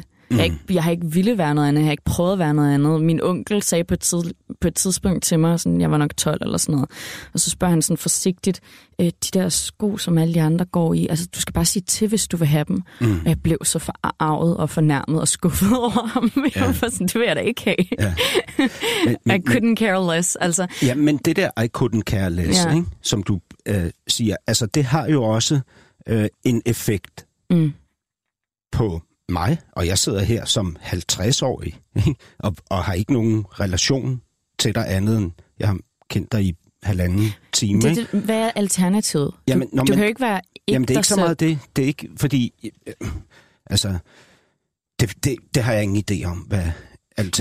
Jeg har- jeg- jeg har men, en- men jeg tror ikke, det er sort-hvidt, sådan så man enten skal lægge sig ned og sutte røv på tidsånden, og lade sig knippe mm, i røven af, hvad alle de andre vil i fællesskab. Mm. Eller om man skal være i opposition non-stop 24 timer Nej, nej. i døgnet. Nej, nej, altså, der er jo mange fællesskaber, der er, der er virkelig positive, og som jeg også nyder at være en del af. Og sådan hvad, noget. hvad er det for eksempel? Hvad er det fedeste fællesskab, du er en del af?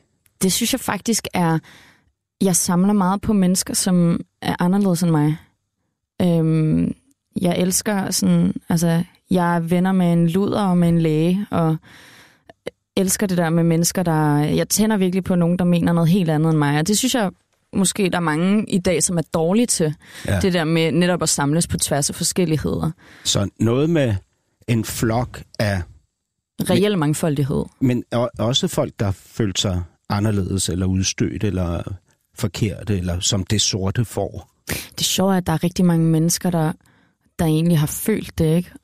Nærmest alle. Ja, og det er jo det, der er interessant, ikke? For ja. måske findes det der flertal og mainstream egentlig ikke. Der er bare mange, der lader som om, og Ja. det er også det, jeg op, opdagede i min opvækst, det her med, jeg, jeg, så, jeg, jeg så virkelig på flokken og var sådan, hvorfor lader I alle sammen som om, altså jeg var helt klart det sorte form. Jeg havde den der følelse af, at I lader som om, I ved alle sammen. Ja. Og det er I jo ikke. Jeg kan se Altså, alle de faktisk så der er- grønne nuancer. Hvad hedder det? Programafdelingen her på Radio 24 er jo en forsamling af misfits. Mm. Altså, øh, øh, øh, øh, altså særlingen. Ikke? Ja.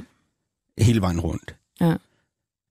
Men, øh, okay, du har jo også et andet fællesskab, som jeg kan mærke, du sætter stor pris på. Ikke kun fordi du siger det, men fordi jeg kan se det mm. i dine øjne, når du taler om det fællesskab. Og det er jo fællesskabet med Olga, Ja. som både er din manager og din Familie. kæreste. Altså, Hele din familie. hun er blevet familie. Hvorfor, hvorfor er det lige præcis Olga, der er din kæreste? vi mødtes på et tidspunkt, der ligesom var det sværeste i mit liv. Det mørkeste sted, jeg nogensinde har været. Lige omkring, øh, at min mor fik konstateret cancer. Øhm, Er det rigtigt? Din Ja. elskede ja, mor? min alting. Nå. Ja. Og, øh, og der var ikke andet. Det, altså, alting forsvandt. Det var et sindssygt fokus, jeg fik i den periode.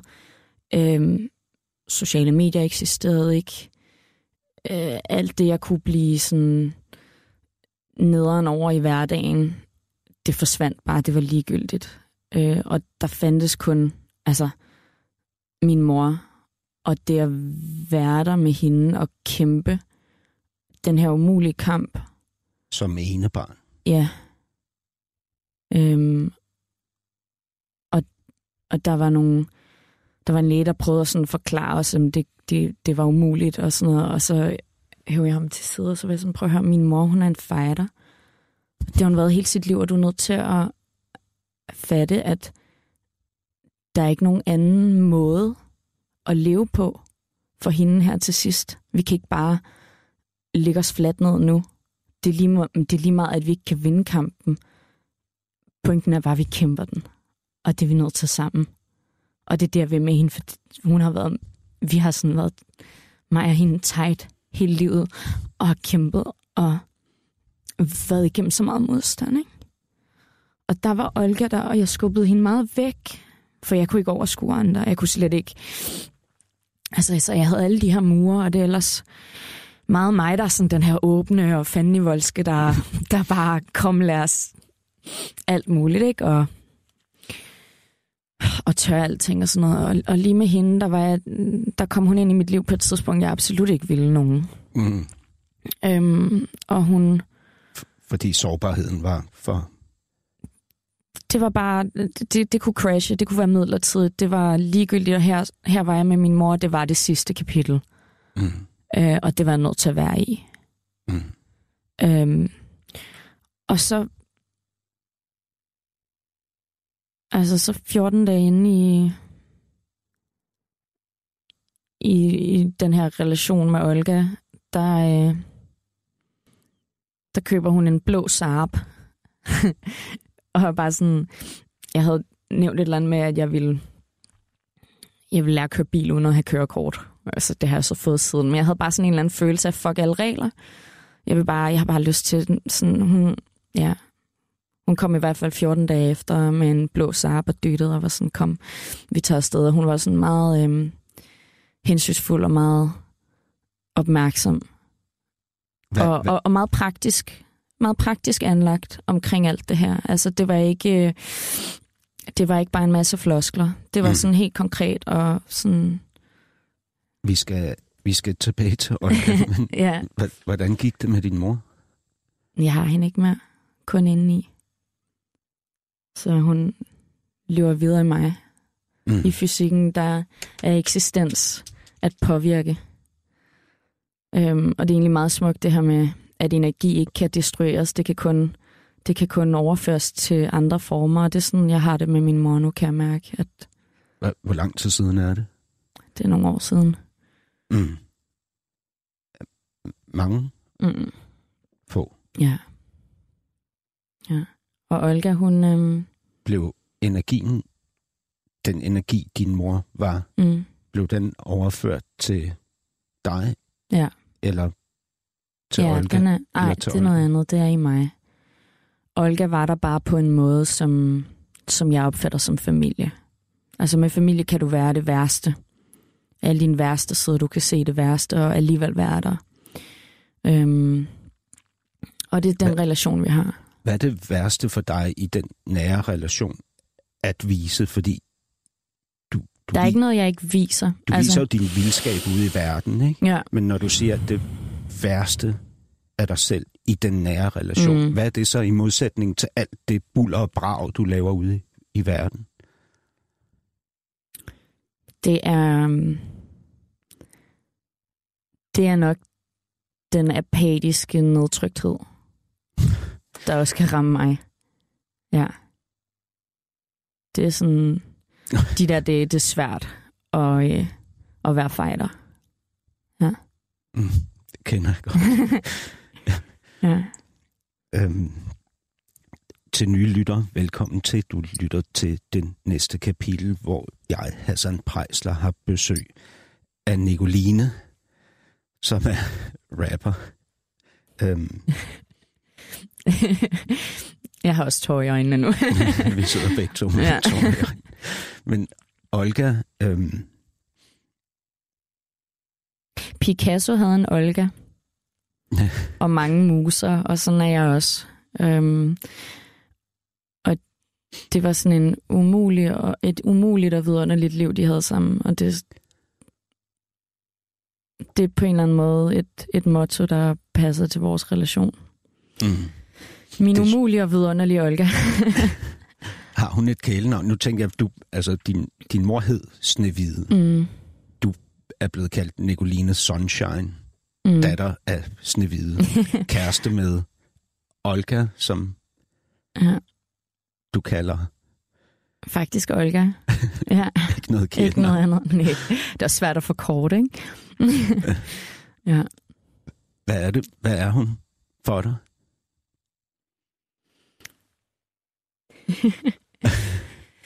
Familie. Ja. Det her med, at hun både er din manager og din kæreste, men jo også hele din familie, kan man sige. Din, din mor er her ikke længere, din far ser du ikke, og du er ene barn. Mm. Hvordan er det?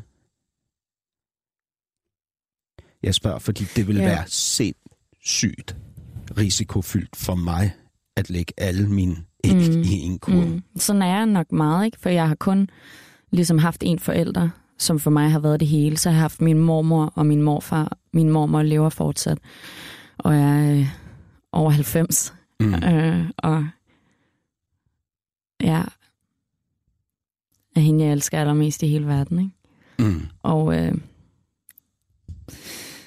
ja, så det, det er bare sådan, det er med mig. Da jeg spurgte om, hvad Olga er for dig, Mm. Så kiggede du dig omkring for at se, om hun, Jamen, jeg så lige, om hun var ude i producerrummet. ja, men hun er, hvad hedder det? Jeg ved Nå, ikke, om hun hun står der. der. står hun der på en stol. Hun filmer ind igennem øh, et vindue. Ja, hun laver nemlig også dokumentar om mig. Ja, jeg Ja. ved ikke, om hun kan høre dig. Jo, det kan hun jo, fordi du har en mikrofon på, Ja. på brystet der, som Så nu står hun også og tuder. gør hun det. Nå. Ja, Ja. Ej, da du var hos mig sidst, ikke? ja. Så kommenterede du på køkkenet, og så efterfølgende, så var jeg sådan, "Men det er jo slet ikke mig, der har indrettet det. Det var bare sådan, det var der flyttet ind, og du lagde alt muligt i det. N- Nej, jeg sagde bare, at det var et småborgerligt køkken, og jeg havde forestillet mig, at du ville bo mere kaotisk. Men så kunne man jo sige, at jeg valgte at købe en lejlighed, som havde et super tjekket køkken. Du, du flyttede ind hos øh, Olga. Nej, vi flyttede derind sammen. Mm. Ja. Hvordan, det der med, at hun både er din producer og din øh, altså kæreste Mm. og familie. Ja. Hvordan er den kombination? Altså, hvad, hvad er godt ved det, og hvad er svært ved? Fordelen er, at vi kan snakke om alting, og at hun er meget øh, involveret i det, jeg laver, så jeg kan sådan snakke om mix og om teknik og om øh, film, color grading og editing og alt sådan noget. Og, og hun, er, hun har ligesom efter nogle år sat sig så meget ind i det, at hun er helt med Mm. på, hvad jeg snakker om, og sådan, det kan blive meget, øh, sådan meget tæt på den måde. Ikke? Mm. Mm, Hvornår er det svært? det er svært hele tiden. for, vi, for det er altså, mange af vores telefonopkald er jo sådan noget manager-rapper. Og ja. så er det sådan noget med mig, der er sur på min manager, eller min manager, der øh, sender mig tidsplaner og sådan noget. Og, øh, Hvornår bliver manageren Olga allermest sur på rapperen Nicole? Sluder. øh, Nicoline. Nicoline. Øhm, Hvad, hvad irriterer hende allermest? når jeg, når jeg tvivler, På? eller bliver sådan bliver nedtrykt faktisk. Der kan, der kan hun som mennesker, som familie omfavne det. Som min manager bliver hun bare sur, for hun synes, jeg er så sindssygt awesome. Øh, og så samtidig Når så... du tvivler på dig selv? Mm, mm, altså, det er jo det er mere på sådan effekten og de der sådan helt eksistentielle, om det nytter ikke noget, og, og så, altså, Ja, Og, og når du siger effekten, så er det ikke den effekt, det skaber, at du laver tumult, altså at folk reagerer sådan, men det er, hvad hedder det, troen på, at det gør en forskel. ja måske. Ja. Kan- og sådan Kan, på, er, at, er på det der, du kan tvivle allermest? Mm. Det er det her med, at... Nå, men prøv at høre. Det er meget en del af min proces, og jeg er ret sikker på, at, øh, at det bliver rigtig crap med folk, som for eksempel er på coke hele tiden, eller et eller andet, og så laver noget og bare hele tiden øh, synes, at ja, nu har vi den, den er spot on og sådan noget. Jeg er ret sikker på, at det kan jeg i hvert fald mærke på forfattere og musikere, som, som jeg synes er seje, at de, det er også en del af deres proces, den der med, altså det, er det er jo i virkeligheden meget sådan, som videnskabsfolk også er, ikke? Det der med hele tiden at overveje, om kunne det være sådan, og hvad med det her, og overveje alle mulige alternativer, og, og, mm. og for mig er det en del af processen, det er bare også opsliden, ikke? Helt klart. Så jeg har på en eller anden måde accepteret, at det er en del af processen, også at komme derhen, og det vil egentlig nok også være en svaghed ikke at kunne det, ikke at ture det. Mm. Altså du er en virkelig skidt fysiker for eksempel, hvis ikke du tør stille spørgsmålstegn. Men, men det Med hvad ved du laver. Olga jo godt. Ja, Så hvorfor bliver hun irriteret, når du tvivler fordi det ligesom er hårdt for dig? som menneske. Hun kan se, det er hårdt Ja. for dig, Ja, ja nemlig. og det gør ondt i hende. Mm, helt klart. Ja, du ved der ikke. Jeg synes, jeg synes det, der er få mennesker, du møder i løbet af dit liv, hvor du kan se, at helt oprigtigt, det er ikke noget med din status, eller din penge, eller din succes, eller noget, men det er helt oprigtigt, den der med, at hvis du smiler, hvis du er virkelig sådan let, at det så er det samme, de føler. Og, og hvis du virkelig ked af det, det rammer dem helt indeni. Mm. Det synes jeg, der er få mennesker, der sådan kan have det sådan, at det ikke bare er noget, de registrerer og sådan har empati med, men at det er decideret sådan, at der er det der, Ja. den forbindelse. Ja, og, og, og jo måske allermest for en som dig, som du, du siger jo om dig selv, at du ofte, rigtig ofte, er ligeglad med, hvad andre mener og synes. Mm.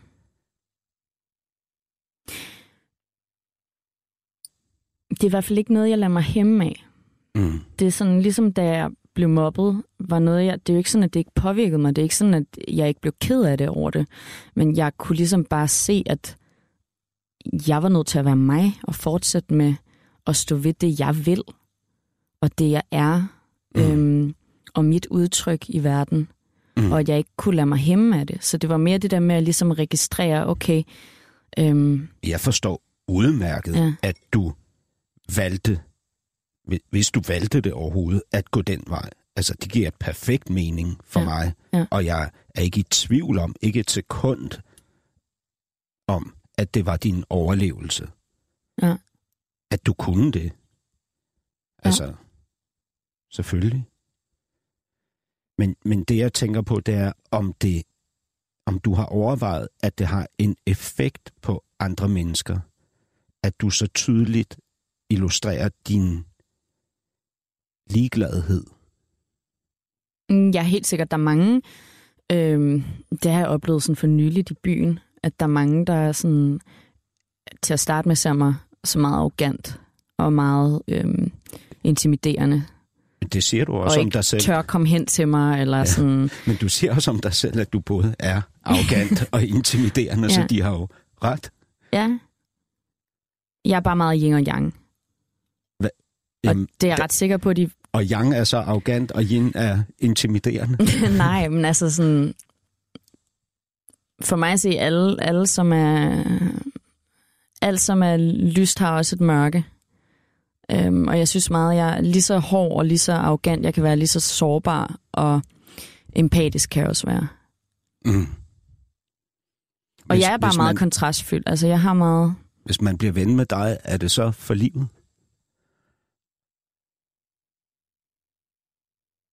Hmm. Det afhænger af mange omstændigheder, synes jeg. Hvem bliver ven med dig? Vil jeg kunne blive ven med dig? Det er jeg ret sikker på. Tror du det? Ja. Altså, så ville der være en ting, vi, vi ville skulle arbejde på. ja. Og det, det er min frygt. Altså, fordi... jeg, altså, jeg er hele tiden lidt bange for dig. Og øh, jeg vil gerne prøve at være mere præcis i forhold til, hvad det er, jeg er bange for, fordi det er jo også noget, der forbinder sig til, hvad hedder det, det, det jeg indeholder, som er, hvad hedder det, gammelt, sikkert Ja. meget af det. Ikke? Øh, jeg er bange for, at du går. Og det er både konkret fysisk, men det er også på et overført plan, at du ligesom vender mig ryggen. Mm. Altså fordømmer mig, kategoriserer mig, at du siger til mig, dig Hassan, dig har jeg ikke brug for. Mm. Med, med sådan et foragtfuldt blik, ikke? som bare siger til mig, du er intet værd. Mm. Det er jeg bange for. Har du oplevet det Øh, ja, med nogen? øhm, ja, altså jeg, jeg er generelt bange for at blive forladt. Altså Ja. både rent fysisk, men også som jeg beskrev, altså at få at vide, du er ingenting. Ikke? Ja. Så de, de, altså vores to sider, din evne til at være ligeglad og ligegyldig over for andre mennesker, og min frygt for det vil kollidere i et venskab.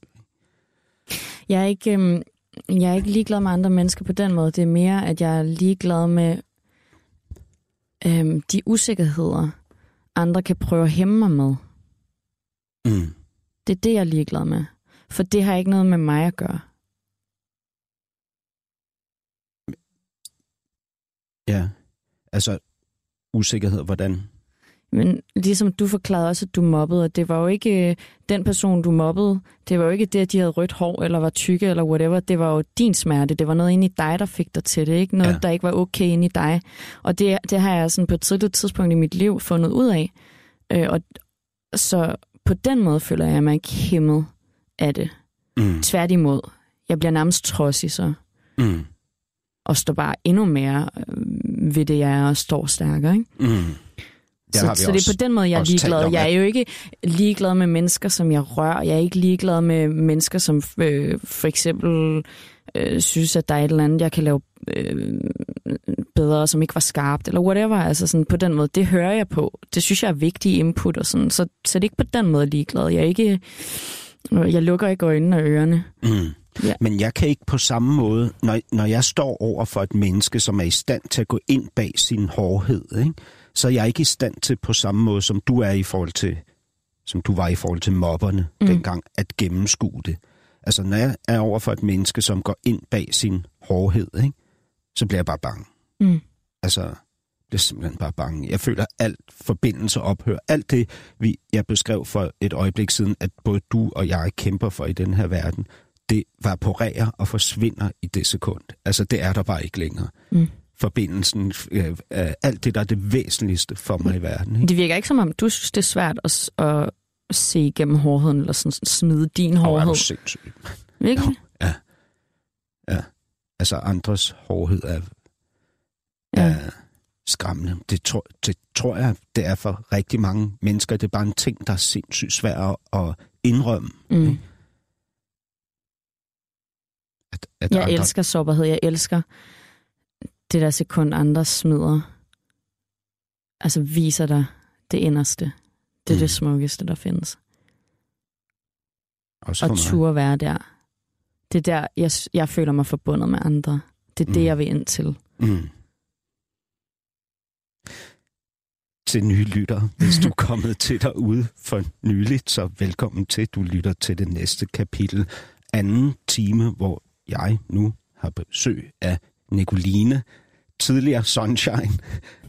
Nicoline Sunshine, det er bare, jeg siger det, Det bare, fordi så er der måske øh, en større gruppe, der Ja. ved, hvem Nicoline Men det er det der, men det var jo faktisk på 24-7, jeg lavede den der flertallet dumme Mhm. mm. rap, Ja, som så endte med at være en af de mest sete videoer. ja. Øh, Der, der tænkte jeg i øvrigt, da du rappede den, der tænkte jeg, at jeg er en del af flertallet. Ja, det er jo det, der er interessant, for, for det er jo også årsagen til, at rapper flertallet synes, at flertallet er dumme, ikke? Ja. For, for det er jo noget, jeg har kunne se sådan, alle er jo bare sådan, ja, det er rigtigt, flertallet er dumme. Jeg synes flertallet. Ja. Og, og det er jo sådan en kommentar på den splittelse, ikke? Ja. Ligesom at satire er en lystig ting. Vi hylder den med klapsalver og da kagepoer og tænker, nej, hvor det ligner vores naboer. Men øhm, Nicoline, Mm. Vi talte om det der med, øhm, hyggeleriet, ikke? Ja. som vi begge to har det svært med. Du Ja. siger, at du vil revse hyggeleriet som barnet i kejserens nye klæder. Du vil skære igennem alt bullshit. Øhm, og øh, hvad hedder det?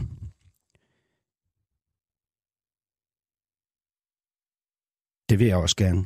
Øhm, så, så nu vil jeg gerne forholde dig noget. Ja. Da jeg besøgte dig, der talte vi lidt sammen om øh, Oliver Bjerrehus. Mm.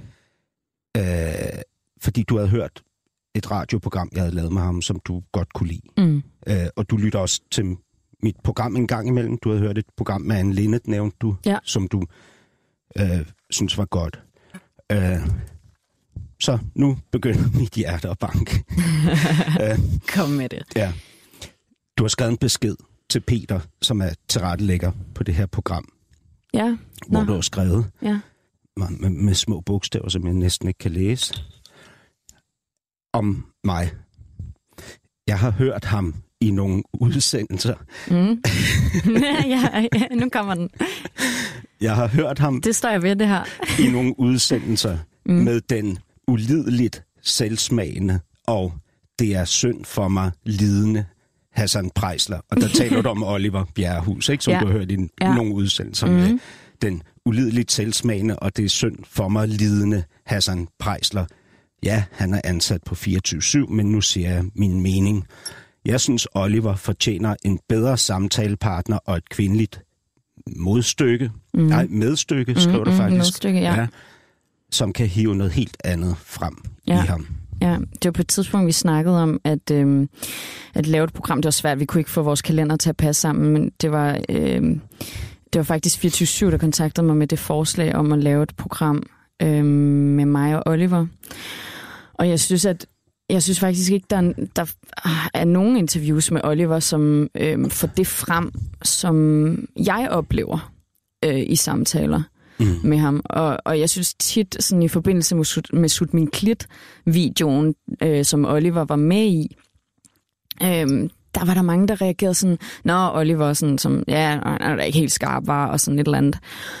Og jeg blev så sur, for det er slet ikke sådan, jeg opfatter Oliver. Mm. Og jeg har haft sådan nogle virkelig spændende og dybe samtaler med ham om samfundet, om hyggeleri, om alt muligt, som jeg ikke har set nogen steder. Mm. Og der var jeg bare sådan, der, altså, der mangler virkelig nogen, der kan få det der frem, øh, i stedet for hele tiden den der. Og jeg synes, altså, den er jo dobbelt, for jeg synes, det er vigtigt at vise sårbarheden.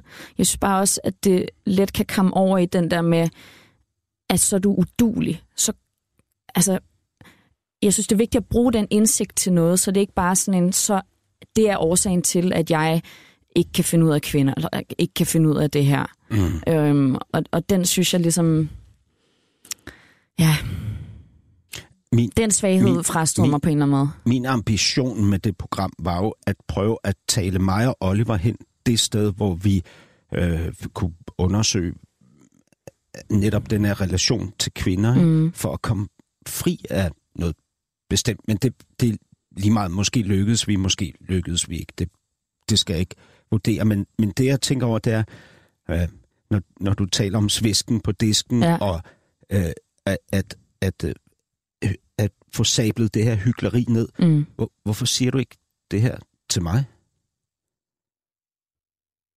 Jamen, jeg, er jo, jeg er jo helt klar over, at, øh, at din producer viser dig alting, så det er jo ikke sådan... Altså, jeg har ikke nogen agenda om her på open air, og sådan, det kan også være irrelevant, hvad jeg synes om øh, et eller andet program. Altså, det, jeg står ved det, jeg har ikke noget imod det. Øh, og Så, jeg, så du synes, jeg er ulideligt ja, det kan du være. Ja, det synes jeg, du kan være. og det er synd for mig lidende. Ja, det synes jeg, du kan være. Og jeg synes også, du kan være meget empatisk og her ansigt til ansigt med, med din mimik, kan jeg også se, og måske kommer det ikke ud på lyden. Det, det må jeg høre efterfølgende. Men du har virkelig... Øhm, der sker noget i dine øjne, der, der ligesom får mig til at åbne os op på en anden måde. Er det rigtigt? Øh, og måske er, kan det ikke høres. Øhm, men ja, Det kunne være, at jeg skulle lave tv. Så, måske. ja.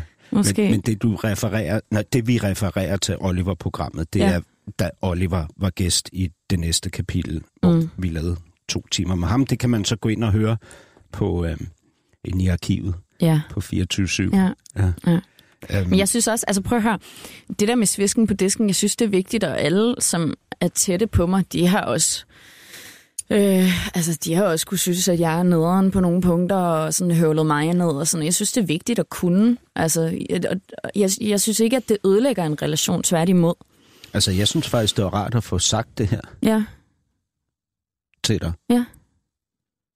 Øhm, men der, der er noget omkring det der med at tage slagsmålet for forbindelsen, mm. altså øh, slægtskabet, at insistere så meget på det, som du og jeg i hvert fald gerne vil. ikke? ja, Som, som for mig at se, øh, eller som for mig at føle, gør mig meget sårbar. ja. Øh, Jeg elsker sådan det der med, lad os bare tage konflikten direkte, lad os whatever, sådan, i, du sendte det her til mig, jeg sendte det her til dig, hvem, altså lad os tage det, det her sårede mig, eller jeg kan ikke, sådan, kan du så slet ikke lide mig, eller hvad, altså, lad os bare out in the open, mm. det foretrækker jeg. Jeg kan ikke fordrage det der med, at nogen flipper ud øh, en måned efter et eller andet, og så at det bare er sådan hobet op. Mm. Ja. Men, men så out in the open, også mellem os i, i den her samtale. ja, det synes jeg. Ja, og så, så bliver jeg jo også nødt til at spørge dig om de ting, jeg ikke, øh, hvad hedder det, må- måske har så meget lyst til at spørge om. Mm. For eksempel i forhold til din far. Ja. Øhm, hvordan kan det være, at du ikke har lyst til at se ham nu, hvor du ikke længere har din mor, og du er alene i den biologiske familie i hvert fald? Mm. Men altså, prøv at høre, min, min mor har bare været alting for mig, og jeg har virkelig helt oprigtigt ikke manglet en far. Øhm, min mors bror var der også i min opvækst, og øhm,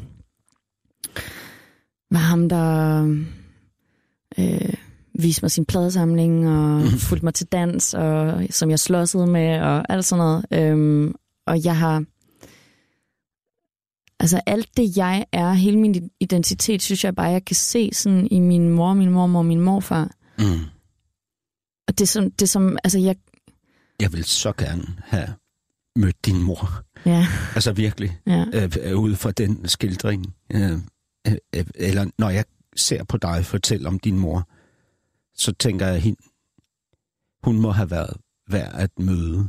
ja, Men, men da jeg nævnte sidst det der med din far, der sagde jeg til dig, at, at jeg, jeg ser det jo meget ud fra farens perspektiv, ikke? Mm. Mm. Blandt andet, fordi jeg har en datter på ni år, som ligner dig helt vildt meget. Du har også set billeder af Ja. hende, ikke? Altså, I har samme hårtype og hårfarve, samme øjne øh, og samme smil også. Ikke?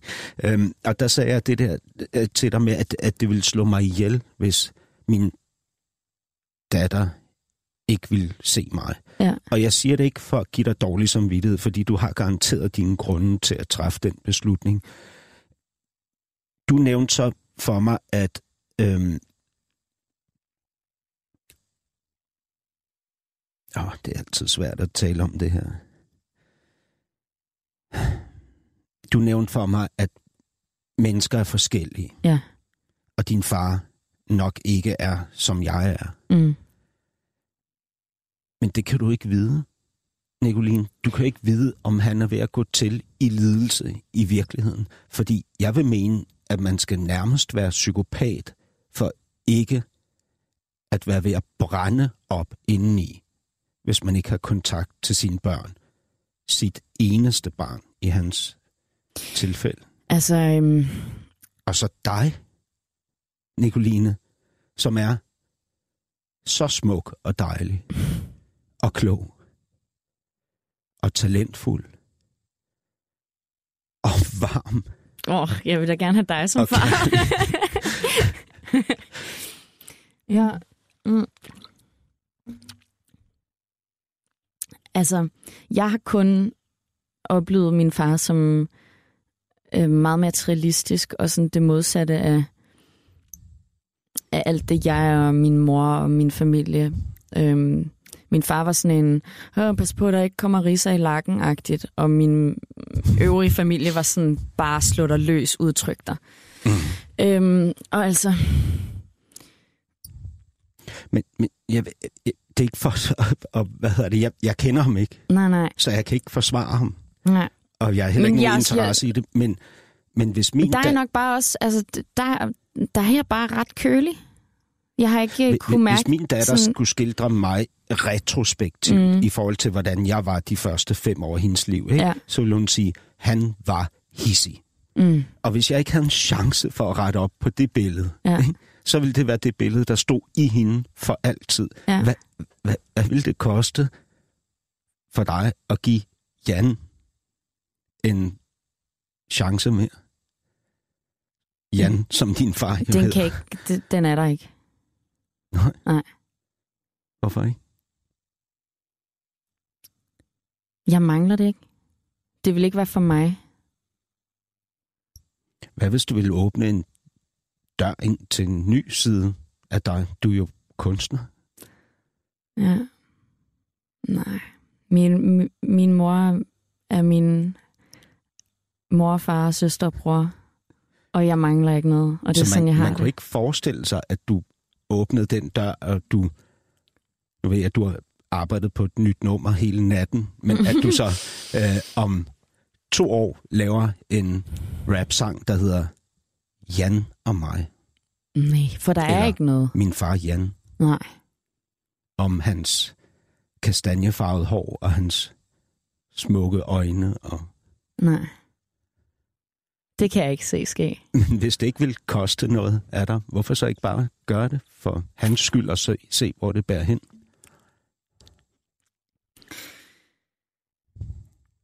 Jeg kan ikke forklare det som andet, end at det, det bare ikke er noget, jeg mangler. Mm. Og øh, altså, Har Olga stadig den blå Saab?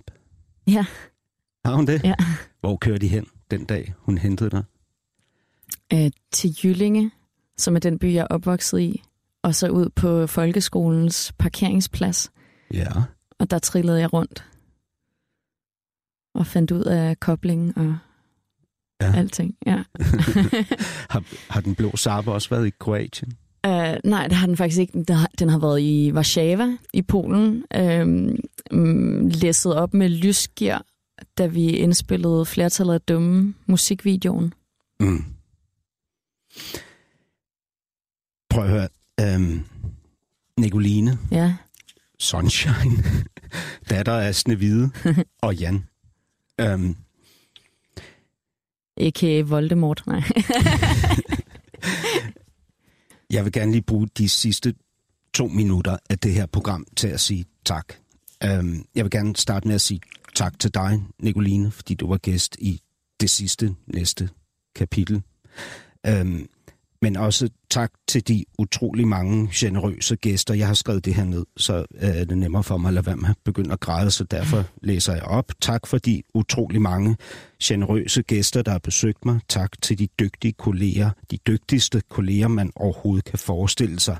Tilrettelægger Peter Lindskov og producerne Christian Danholm og Ninette Birk, som har produceret i dag. Jeg elsker jer. Elsker dig, Ninette. Tak til de modigste programchefer i verden, Michael Bertelsen og Mads Brygger. Og den allerstørste tak skal lyde til jer derude, de mest hengivne og krævende lyttere, der findes. Det har været for jeres skyld, det hele. Det store er ikke at være dette eller hint, men at være sig selv. Sådan skrev Søren Kierkegaard i enten eller. Og jeg har opdaget noget skældsættende. Min evne til at elske og forbinde mig til andre mennesker er direkte forbundet med mit mod til at være sårbar, til at være lille, til at ture være mig selv. Det ene kan ikke eksistere uden det andet. Dette var min lille Hassan. Min sag, der lå mig på scene, og som jeg har været tilbøjelig til at fremføre i enhver sammenhæng. For den, der ikke kan åbenbare sig, kan ikke elske. og den, der ikke kan elske, er den ulykkeligste af alle. Tak.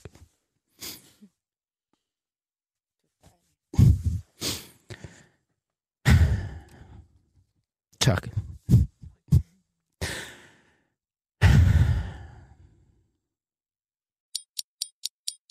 Mit navn er Anders Krab Johansen. Jeg er koncernchef på Berlingske Media og har skrevet bogen Fri os fra den værdiløse borgerlighed. Bogen er et wake-up call til alle os borgerlige, der er godt i gang med at tabe fortællingen om, hvad der udgør et godt samfund.